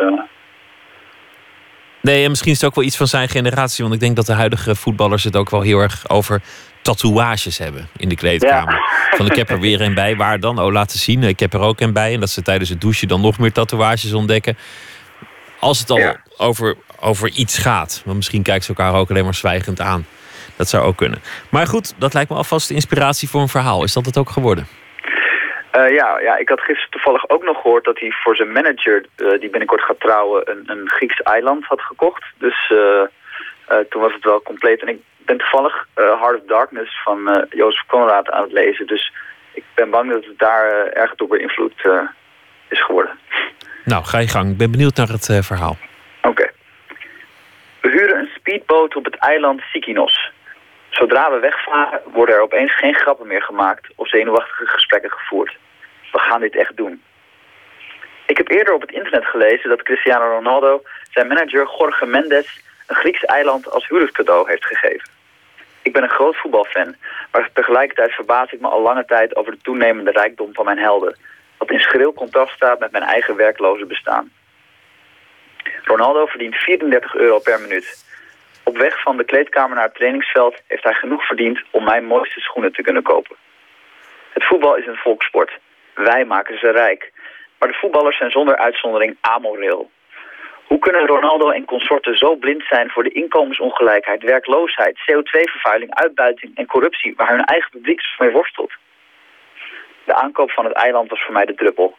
Griekenland wordt uitgekleed door schuldeisers en zet zichzelf in de uitverkoop. Ronaldo komt langs en claimt dit stukje aarde. Ik deed wat research en ontdekte dat volgens de Griekse wet alle stranden openbaar bezit zijn. Mendes heeft dus wel een Ronaldo-eiland gekregen, maar hij kon het niet helemaal voor zichzelf houden. Zo ontstond het idee. We zouden naar het eiland varen en op een, een van de stranden een permanente zonvakantie houden. Vakantie als protest tegen het feit dat wij na onze studie geen baan konden krijgen. En als parodie op de levensstijl van de superrijken, die al het contact met de werkelijkheid kwijt zijn. We naderen het eiland, dat nog mooier is dan op de foto's. Ik denk aan Ronaldo. Zou hij er ook zijn? Mijn bewondering voor hem als sportman staat nog vier overeind. En daardoor kan ik hem als mens nog niet helemaal opgeven. Mendes heeft hem zorgvuldig opgevormd tot een wereldster... die transferrecords verbrak en Armani-model werd. Maar ergens onder dat marketing-icoon zit nog steeds dat puisterige spelertje van Sporting Lissabon. Op het strand spreiden we onze handdoeken in de vorm van dollarbiljetten uit en gaan liggen. Met behulp van een signaalversterker gooien we het persbericht en wat foto's op internet. En dan gaat het snel. Ronaldo Island is binnen een uur trending op Twitter. Na anderhalf uur horen we een auto naderen. Het is Mendes, omringd door zijn vier bewakers. En naast hem loopt een breedgeschouderde man met een lichtgevend wit t-shirt aan. Het is hem echt. Cristiano. Ronaldo's haar zit perfect. Hij grijnst en knipoogt tegelijk naar ons. Mendes is woedend. Hij wil dus onmiddellijk vertrekken en begint aan de handdoeken te sjorren. Wij filmen alles met onze telefoons en leggen rustig aan hem uit dat iedereen op dit strand mag liggen. De bodyguards kijken vertwijfeld naar hun baas. Maar Ronaldo is echt aardig. Hij gaat met ons op de foto en maakt een peace. Hij sust Mendes alsof hij een medespeler uit een opstootje trekt. Ik voel een vreemde mix van woede en liefde. Ik wil met hem praten, hem aanraken. Hij voelt dat en wenkt me. Ik loop naar hem toe en vraag... Cristiano, hoe, hoe kun je voetballen onder een corrupte organisatie als de FIFA? Hij glimlacht weer, die witte tanden bloot. Weet je vriend, zegt hij kalm, ik voer gewoon mijn taak uit. Ik doe gewoon mijn ding, binnen en buiten het veld, voor de fans. De ellende in de wereld dan, Cristiano, de ellende hier in Griekenland. Hij slaat me gemoedelijk op mijn schouder. Het draait niet om mij, maar om het team. Deze week maak ik de goals, de volgende week een ander. Ik speel waar de trainer me nodig heeft. Het enige wat ik kan doen is hard werken, elke dag. Ik kijk hem vertwijfeld aan. Cristiano, wat is er met je gebeurd? Wat vind je van mijn nieuwe koptelefoon? zegt hij emotieloos en wijst naar de gouden apparatuur die om zijn gebruinde nek hangt. Het snoer zit wel erg strak, zie ik. Zijn glimlach verdwijnt niet, maar in zijn ogen lees ik... Alsjeblieft, doe het. Verlos me uit mijn lijden. Dat was het, uh, Pieter. Een uh, verhaal over uh, iemand die veel te rijk is geworden. En heel arm begonnen, toch, uiteindelijk? Ik bedoel, hij, hij was een van die voetballers die, die geworven werd in, in de favela, als ik me goed herinner. ja, hij komt volgens mij uit een klein dorpje in Portugal. Oh, dat was, zie je? Nou ja, mijn voetbalkennis die schiet tekort. Maar volgens mij is hij niet van rijke huizen. Ik dacht dat hij, dat hij ook nog in Brazilië had gezeten. Ik zit er ook weer mijlen naast. Ik moet nou niet ja, over voetbal ja, ik praten. Denk, ik, je hebt wel gelijk hoor. Hij, is- hij, komt niet, uh, hij is, hij is uh, arm begonnen en uh, door die Mendes, uh, die inmiddels echt de rijkste makelaar, voetbalmakelaar ter wereld is, is hij, uh, is hij uh, tot het icoon geworden wat hij nu is. Ja, dat is toch iets anders dan iemand die ook nog rijk geboren is. Dan kan je nog zeggen, nou ja, het is schandalig dat je een eiland koopt... maar je hebt het, je hebt het tenminste zelf bereikt, weet je wel? Ja, precies. Dat is nog iets. Nou ja, Rutger, dank je wel voor het verhaal. Morgen weer een verhaal en uh, voor nu een hele goede nacht. Jij ook. Doei. Hollis Brown, een band uit uh, New York, vernoemd naar een liedje van Bob Dylan, The Ballad of Hollis Brown. En uh, wij vonden het nummer If It Ain't Me.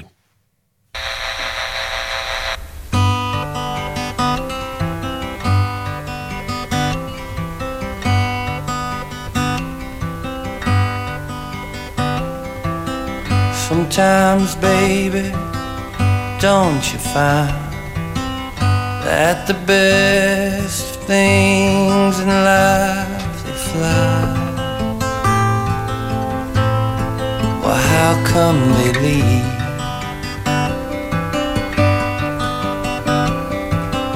And I just hope that you find all the things you wanna have.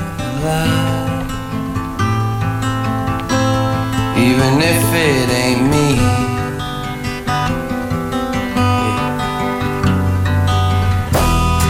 Cause if it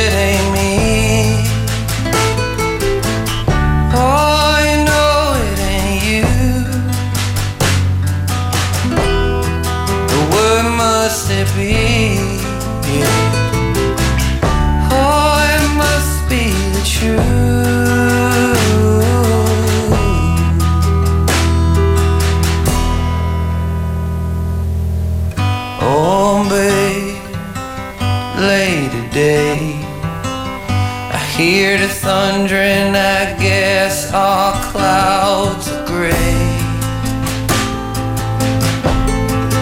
What can I say?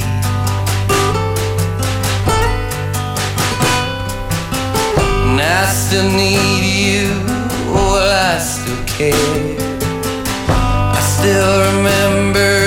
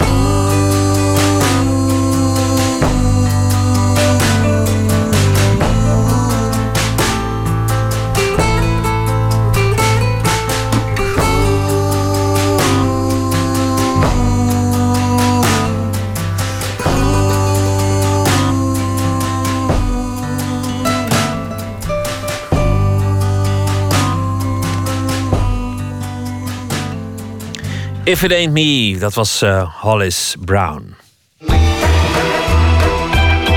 Nooit meer slapen.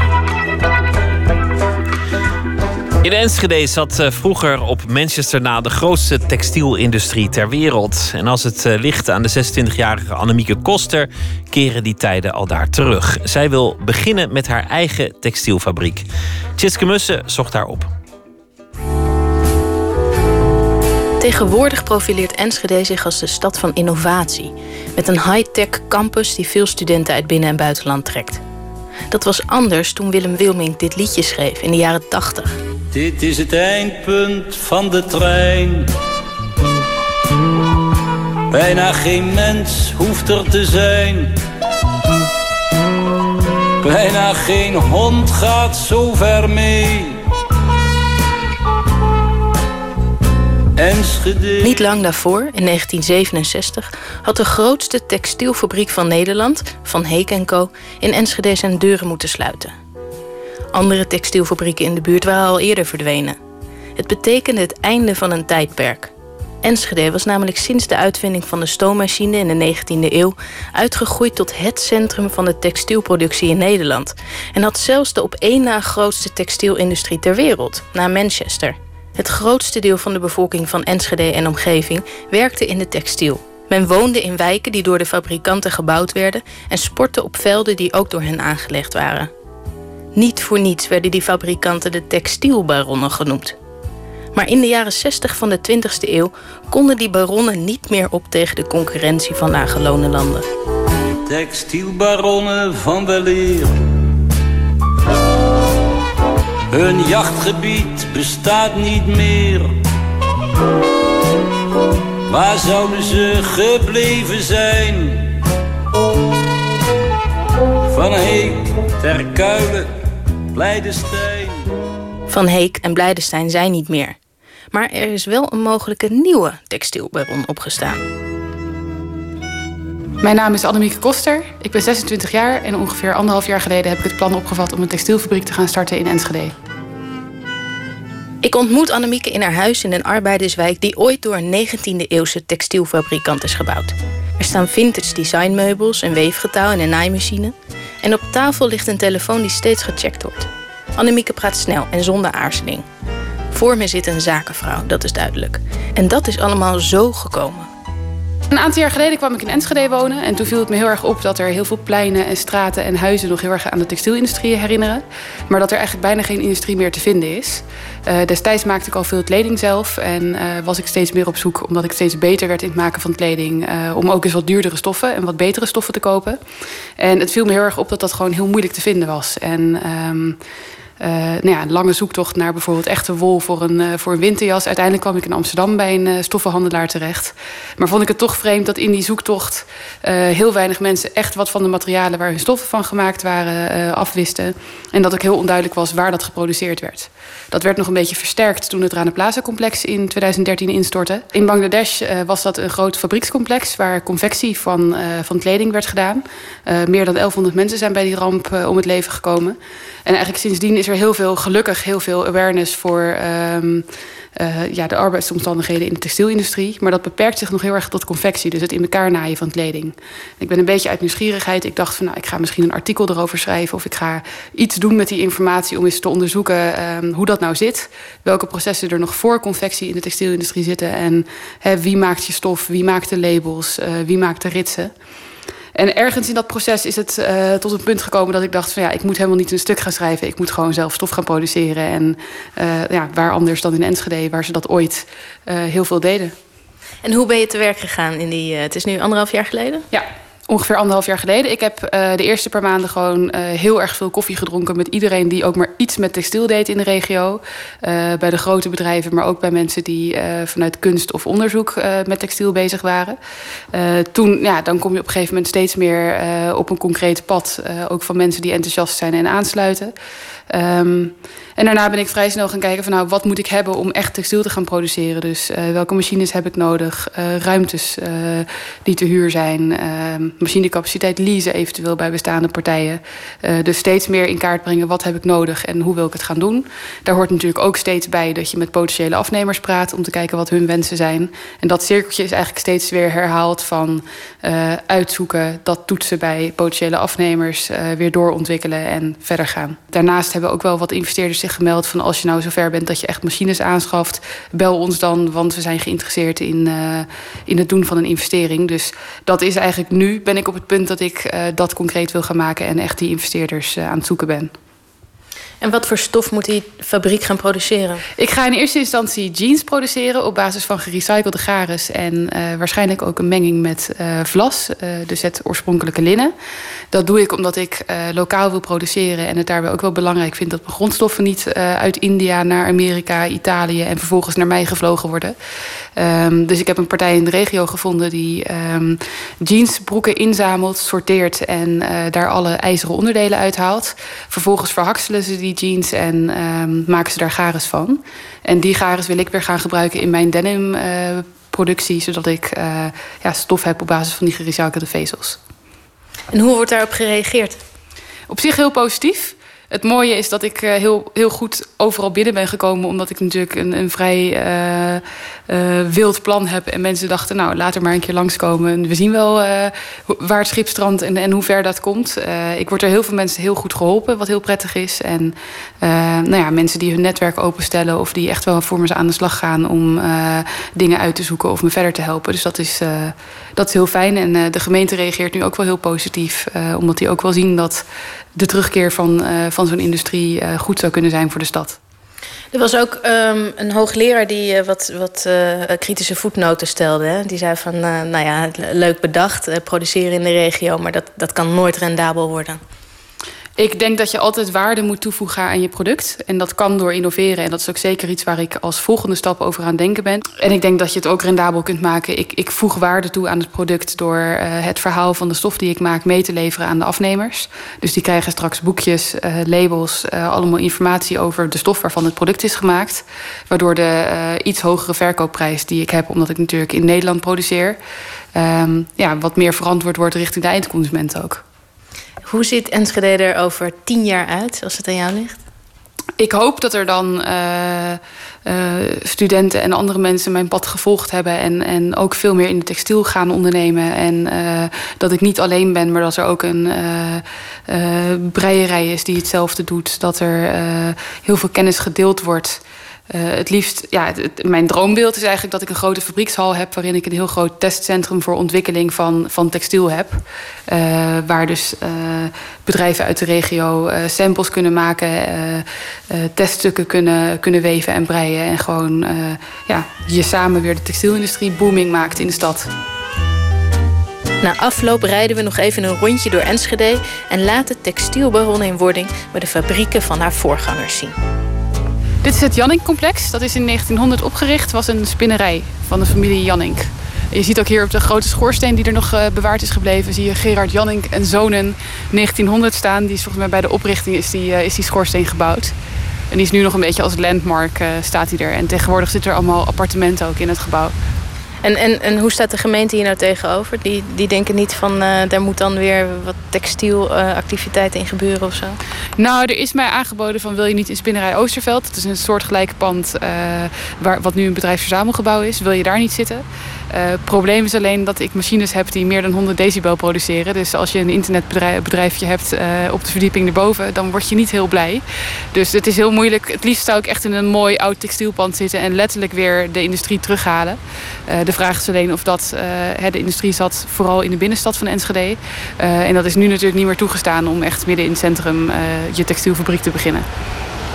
Maar toch een grappig idee. Als jij hier over tien jaar staat voor een uh, fabriekspand uh, met grote letters textielfabriek Koster. Ja, nou, heb, ik, nou heb ik niet als ambitie om echt mijn eigen naam erop te hebben. Ik zou het gewoon heel mooi vinden als het echt Enschede Textielstad en dat er meerdere bedrijven verenigd zitten die uh, de textielindustrie weer een impuls geven. Dus ik heb denk ik in wat mindere mate dan de oude textielbaronnen de droom om echt een plein naar me genoemd te laten zijn. En het gaat me echt om het doel van het bedrijf en niet om zelf daar nou uh, per se uh, boegbeeld van zijn. Dus.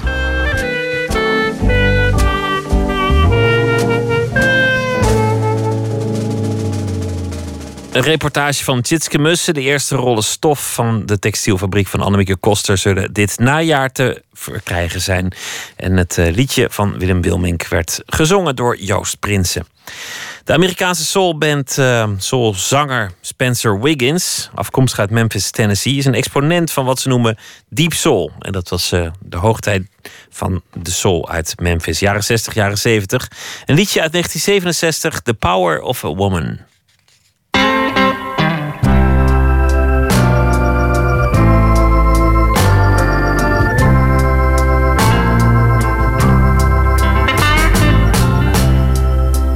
The statue of a man. It's like a tree standing tall. But a sweet little woman, yeah, can make a big man fall. He can be strong like Samson and big like Hercules.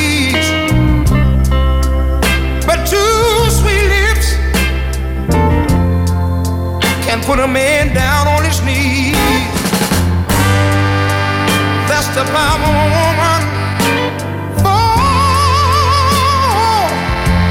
that's the power of a woman. Oh, yes, it is. Oh, yeah. Dig this. When a man loves a woman, he might forget his name.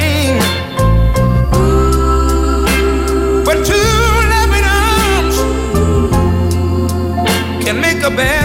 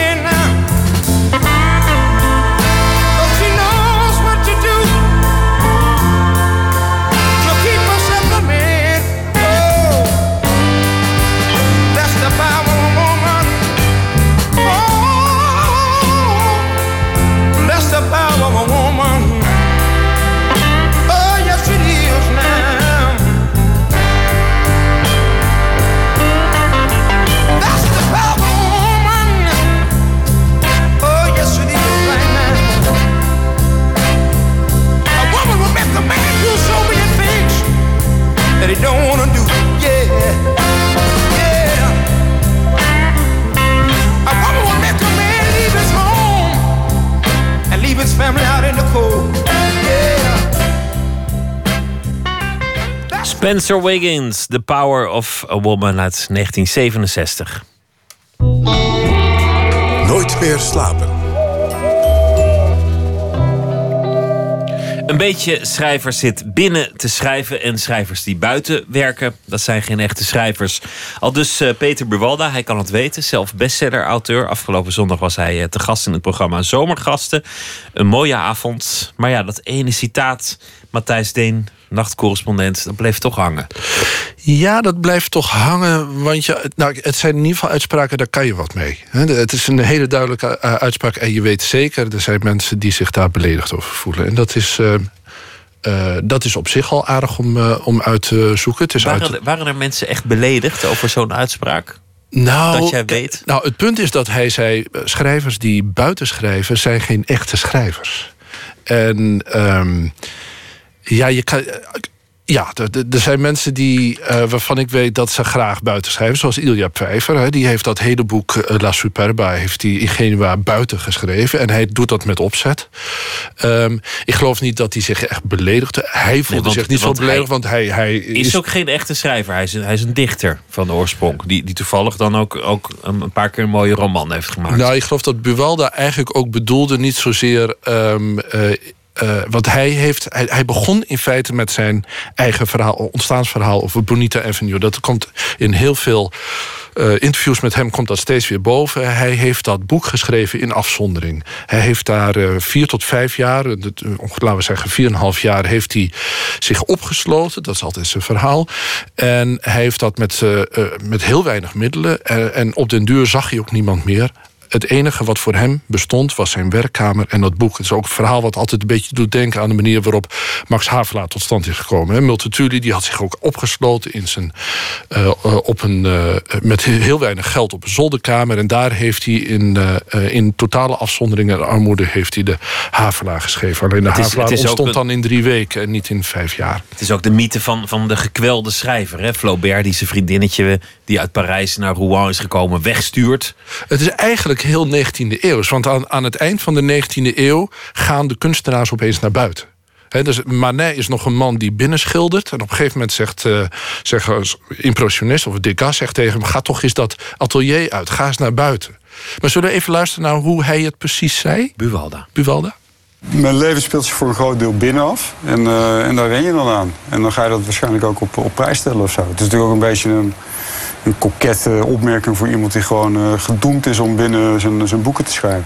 Het is een soort offer eigenlijk. Er zit niks anders op. Buiten schrijven, dat, dat hoor je zelden.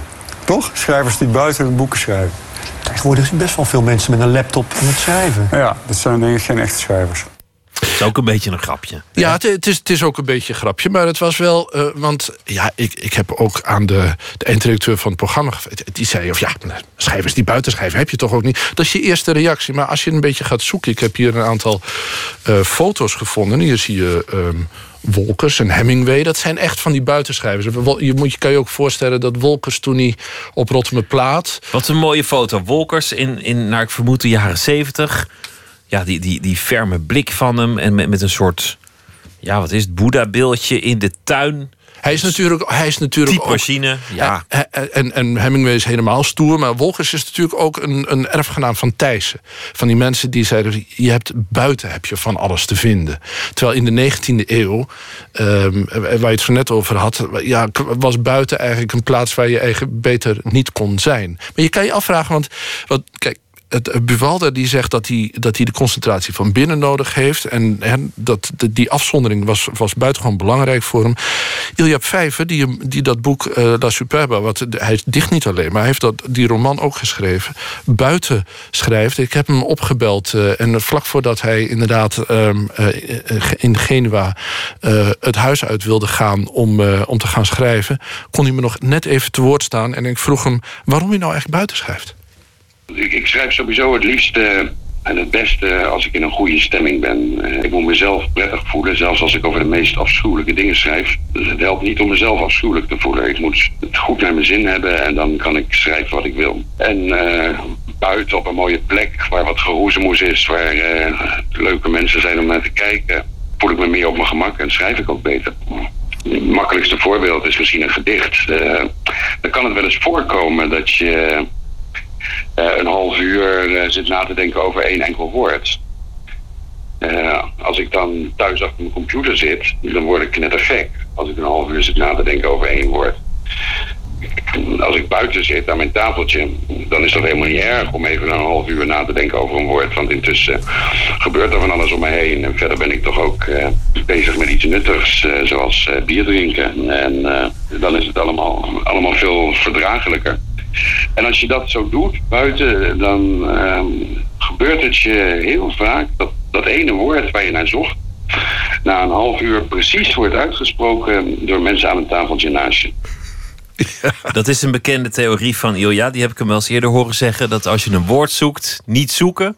De straat op gaan en iemand zal het woord dat je zoekt gebruiken. Ja, dat is dus als, eh, het, wordt hem, eh, het wordt hem geschonken eigenlijk. Het is eigenlijk genade. Door hij, moet de ruimte laten voor het wonder... en daarvoor moet je inderdaad in Genua buiten zitten. Ja, en, of in het café. Want ik eh, ken Ilja toevallig. En, Ja, nee, je hebt caféschrijvers zoals Jozef. Rood. is ook iemand die heel graag buiten schreef. En dat was ook een caféschrijver. Natuurlijk de vijftigers die in het begin ook geen onderdak hadden. Overigens, en dat misschien afsluitend... dat hele verhaal wat we hebben eh, gezien... dat eigenlijk een 19e eeuws verhaal is van de klooster en binnen... dat is eh, wat, wat dat, dat rijmt met Multatuli. Ik ben ook even naar de biograaf van Multatuli eh, langs geweest... om te vragen of Multatuli misschien zelf ook ooit buiten heeft geschreven. Ik vroeg het dus aan Dick van der Meulen en hij zei het volgende.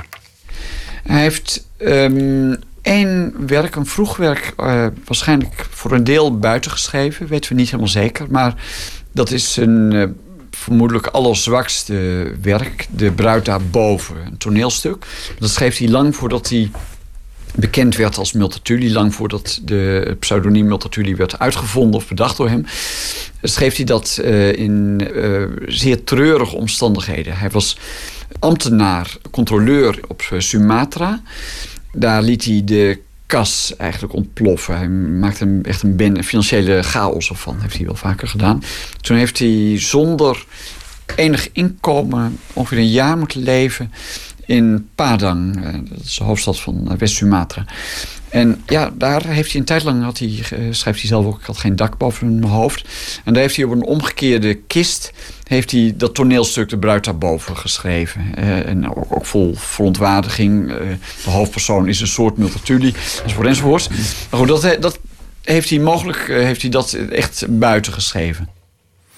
Nou, toch niet de minste, Multatuli. Eh, Nee, Multatuli, maar je- eh, ik vind toch dat het uiteindelijk onbeslist blijft. Want eh, Dick van der Meulen, die zelf ook graag buiten zou schrijven... als het scherm niet zo zou spiegelen en, en dan toch maar weer naar binnen verbannen wordt... die constateert wel dat Multatuli, al heeft hij buiten geschreven... we toch moeten constateren dat dat zijn slechtste werk was. Je hebt hier nog een foto van Sylvia Plath en van eh Faulkner. En wie, wie is deze man met, met pijp? Eh, eh, dat, eh, dat, is volk naar daarboven, daar zit Nabokov. Oh, Nabokov, dat Nabokov zit in, eh, zit in een autootje. Is misschien een En hier zelfs een reven met En- eh, de- bovenlijf. en Ruusbroek. Het, als het goed is, zijn die foto's eh, te zien voor de luisteraars die meekijken. Via eh, NPO Radio 1 of eh, de site van Nooit meer slapen. Nou, één klein fragmentje was het maar uit Zomergasten. En eh, toch veel om te doen. Volgende week Simone van Saarloos, schrijver en dichter. Ja. Die schreef onlangs in haar column dat ze dit jaar pas zes nachten thuis had geslapen. Dus dat is volgens mij ook een eh, buitenschrijver, want toen was het al juni. Dankjewel, Matthijs Deen. Oké, dankjewel. Alabama Shakes gaan we draaien. Tweede album, Sound and Color. Dat eh, hoort alvast bij de oogst van 2015. En het nummer dat we uitkozen heet Guess Who.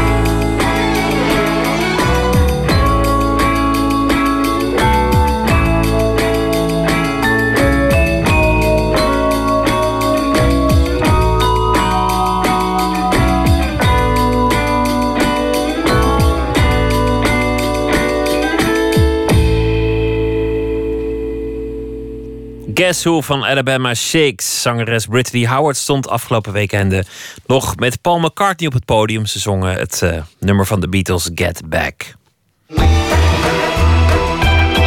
Nooit meer slapen. De dreiging van het onvermijdelijke einde van een aangekondigde dood. Voor sommigen is het ondraaglijk, ook al als de dood zelfs heel ver weg is. Maar het leven kan ook heel moeilijk zijn als een aangekondigde dood juist uitblijft. Een verhaal uit de reeks Toendra. Bijzondere, bizarre en pijnlijke verhalen van de makers van het beroemde programma Plots. Luister naar Leven met Bel, een verhaal opgetekend door Jennifer Patterson en Jair Stijn. Kom maar, je mag wel even naar een muziekje luisteren. Kom maar. Snuitje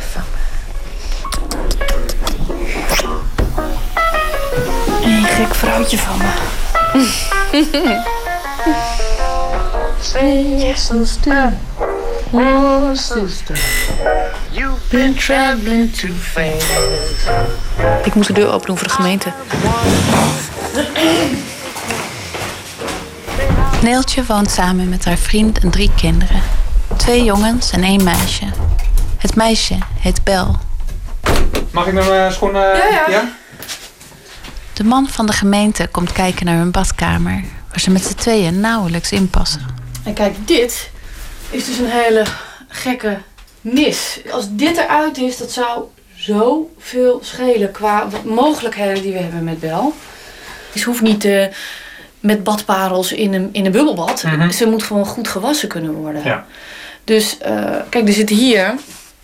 Deze, deze is helemaal nieuw. Mhm. Maar er zit hier een scheur in, omdat we haar zo vaak erboven hebben laten hangen spugen.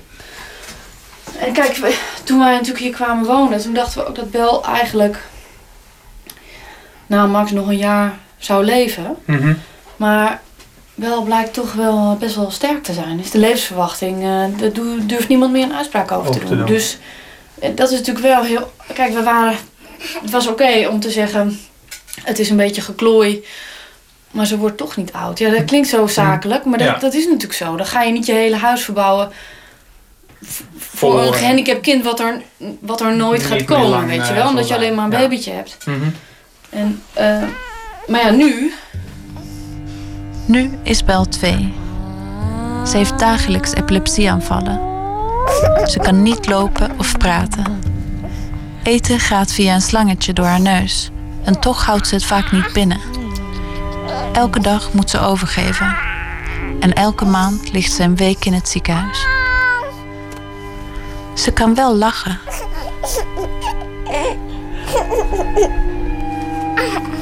Wij zeggen altijd, Bel moet het van haar uiterlijk hebben, want ze is razend knap. Ze heeft hele grote ogen en blond haar en staartjes en ziet eruit als een, ja, als een soort klein engeltje. Ja, dat is toch zo. Maar ze is helemaal niet in verhouding. Dit, ze heeft een heel kort bovenlijf, bijna geen schouders. E- Enorme lange benen. En ik denk nu, als ik haar in een blote kontje zie... en dat gekke lijfje waar echt geen bal van klopt... Moet je lachen, vind ik daar zo mooi. Precies, daarom. Dus ik, ik, ik heb mijn verliefdheid gewoon helemaal zo'n soort omgebouwd... naar dit rare, gehandicapte, doodzieke kind.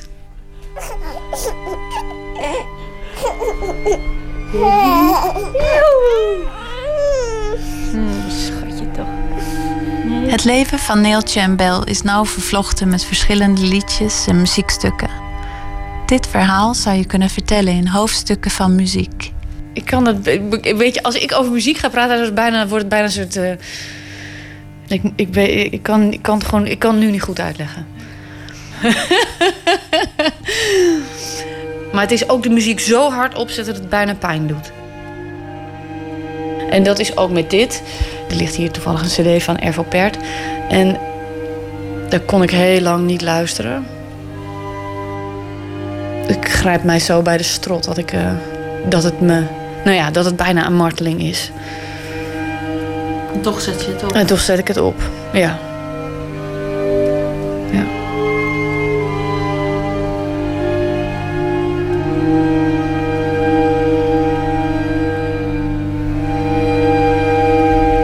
2012. Neeltje is zwanger van haar derde kind. Ik lag in een heel klein kamertje, onze eigen slaapkamer. Waar we eigenlijk als eh, sardientjes tegen de muur tussen twee wanden geplakt zaten. Neeltje ligt op bed, maandenlang, omdat de bevalling te vroeg op gang dreigt te komen. Ik heb dus met, met mijn tweede kind tien weken plat gelegen en met, met Bel eh, 20 weken. En het is gewoon heel veel liggen.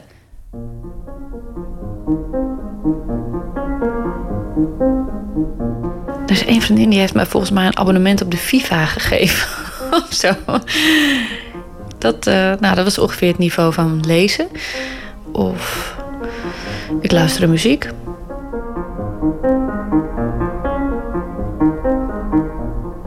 Ja, kantelostinaten. Ja, jeetje, dat, eh, dat, dat is eh, een stuk met, voor vier piano's.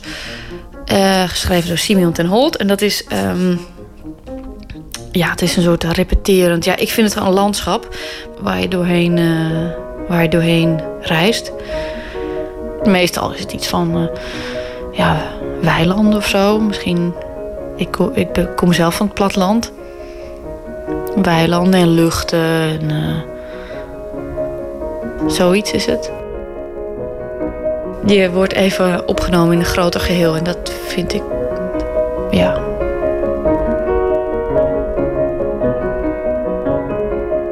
Ondanks de gedwongen bedrust maakt Neeltje zich weinig zorgen. Een datum staat geprikt voor de bevalling. 26 juni 2012. En eh, toen dacht ik nog... Jack White treedt vanavond op in de Melkweg. Dat is toch een goed teken? No responsibility, no guilt, tomorrow's cloud of judgment. Smile on her face, she does what she damn well please.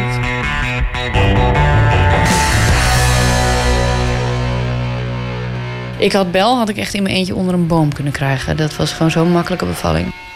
Maar ja, toen was Bel er. En toen was ik zo, zo blij.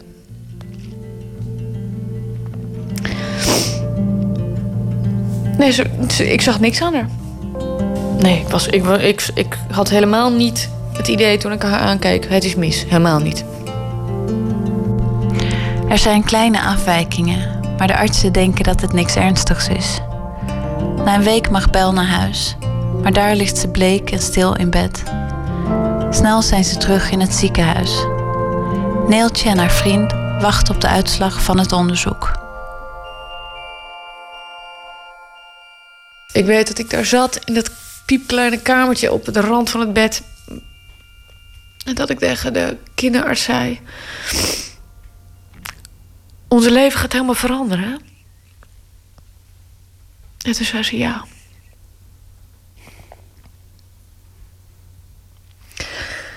En Niek die zei ook zoiets goeds. Die zei toen, die zei, weet je, we waren alle, weet je, iedereen was al aan het huilen. Maar we wisten nog helemaal niet wat ze precies had. Maar iedereen was al aan het huilen. En mijn vriend die zei, laten we elkaar nu maar vast vergeven voor alle dingen die we gaan zeggen. Ja, wat een inzicht. Bel heeft een zware hart- en hersenafwijking. De levensverwachting is zes maanden. Toen ik dit nieuws hoorde, toen hoopte ik gewoon dat er een enorme griep kwam. Of weet ik veel wat voor een bacterie. Die er heel snel een eind aan maakte.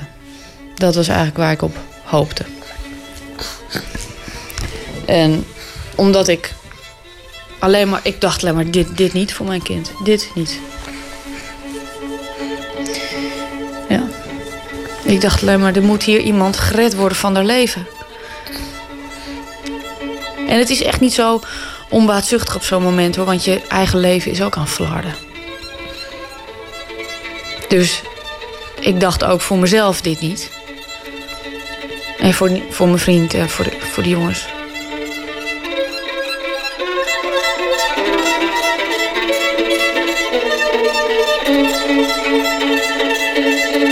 Toen we dit nieuws hoorden, verdoofde letterlijk alles. Alles. Ik weet nog dat ik voor de vuur stond dat ik tegen mijn vader in een beetje in paniek zei: "Eh, muziek raakt me niet meer. En ik hou zo ontzettend van muziek. Ik luister heel erg veel naar muziek en ik vond dat. Dat vond ik zo eh, beangstigend. Dat ik dacht straks mijn kind dood en, hou ik, en kan muziek mij niet meer redden. Of zo. Ik weet niet, ik vond dat echt. eh, vond dat zelf heel eh, erg. En eh, volgens mij na zes weken of eerder al een maand of zo kwam het weer. Weer terug. En nu redt muziek mij. Dag schatje, dag schoonheid. Veel plezier. Doe even een rondje ring met... Ja, we gaan, schatje. Heerlijke, agressieve eh, muziek. En dan eh, kan ik weer een beetje nadenken.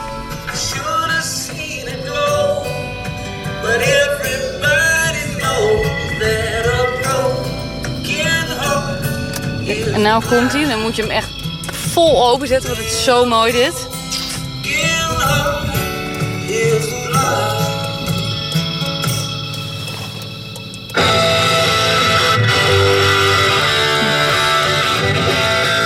Hè, Bel?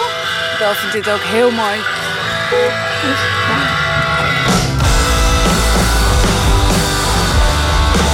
Elke ochtend, een jaar lang, verwacht Neeltje een dood kindje in bed te vinden.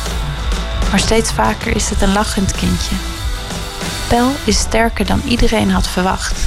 En de artsen weten niet meer hoe oud ze kan worden. Maar het is de vraag of dat goed nieuws is. Toen Bel drie maanden was, is ze gestopt met eten. Nu, twee jaar later, houdt ze ook steeds minder van de zondevoeding binnen. Wij houden haar natuurlijk kunstmatig in leven. Elke dag. En het feit dat ze gestopt is met eten, dat vind ik een heel belangrijke gebeurtenis. Want haar lichaam heeft gewoon gezegd: stoppen. Niet meer. En wij forceren dat eten naar binnen elke dag. En ze spuugt het weer uit. Dat je denkt: wat zijn we hier in godsnaam aan het doen? En het is natuurlijk, als ik haar in mijn armen heb en zij lacht, dan vraag ik me dat helemaal niet meer af. 1, 2, 3. En precies daartussen, daar leven wij.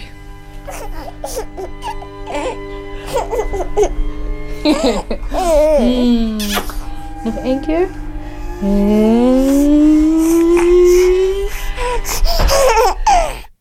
Leven met Bel, een verhaal gemaakt door Jennifer Patterson en Jair Stijn. Eindredactie Katinka Beer. Toendra werd mede mogelijk gemaakt door het Mediafonds. Is eh, ook te beluisteren via podcast, via iTunes. En morgen weer een eh, verhaal uit Toendra. We gaan luisteren naar eh, Riley Walker, oude folkhelden als Jackson C. Frank weer klinken in zijn muziek. Hij is 25 jaar oud. Eerder dit jaar verscheen het album Primrose Green. En daarvan draaien we On the Banks of the Old Kishwaukee.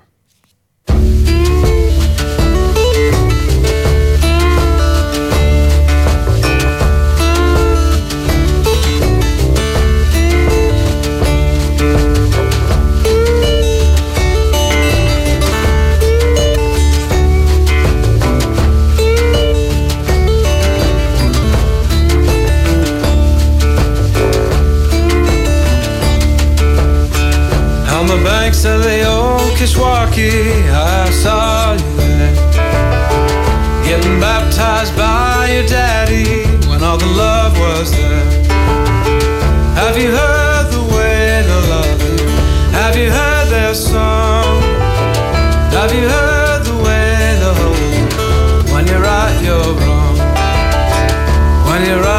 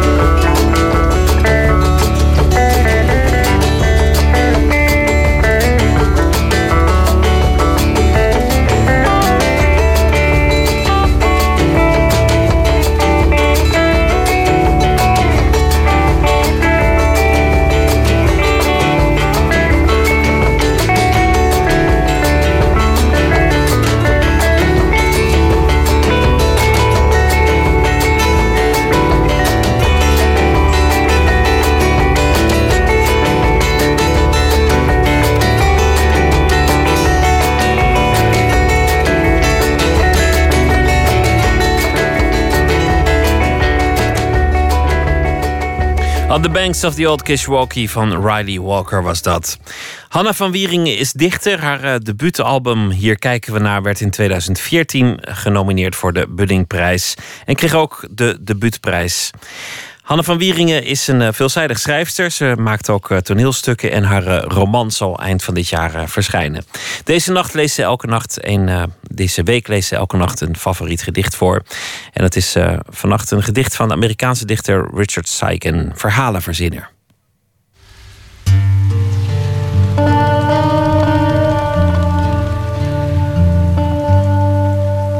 Het gedicht dat ik wilde voorlezen is het gedicht Verhalenverzinner van Richard Syken. Dat is een Amerikaanse dichter, schilder en filmmaker. En dit gedicht komt uit de bundel Crush. En zijn nieuwste bundel heet War of the Foxes. Uh, die is besteld, die heb ik nog niet in huis, dus daar zit ik op te wachten. Maar dit is dan het favoriete gedicht uit de eerste bundel. Vertel me over de droom waarin we de lichamen uit het meer trekken en ze weer kleden in warme kleren. Hoe het laat was en dat niemand kon slapen. De paarden rennend tot ze vergeten dat ze paarden zijn. Het is niet zoals een boom waarbij de wortels ergens moeten uitkomen. Het is meer zoals een liedje op de radio van een verkeersagent. Hoe we het tapijt oprolden zodat we konden dansen en de dagen helder rood waren. En steeds als we kusten was er weer een appel om in stukken te snijden. Kijk naar het licht door het venster het betekent dat het midden op de dag is. Het betekent dat we ontroostbaar zijn. Vertel me dat dit alles en de liefde ook ons kapot zal maken. Deze lichamen, onze, bezeten door licht. Vertel me dat we het nooit gewoon zullen worden.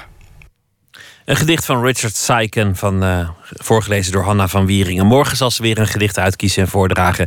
Morgen je Nooit meer slapen, Maarten Baas. Hij is uh, ontwerper. Hij komt uh, vertellen over zijn meubilair. Dat zijn klokken, onder andere. En andere eigenzinnige materialen. Klassiekers in de designwereld. Dat morgen je Nooit meer slapen. Voor nu een hele goede nacht.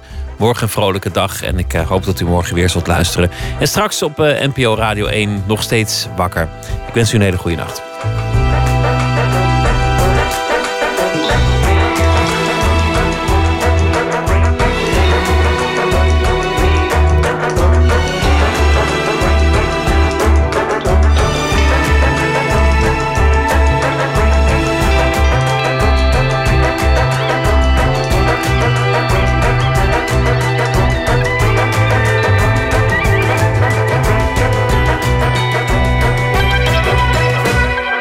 Radio 1.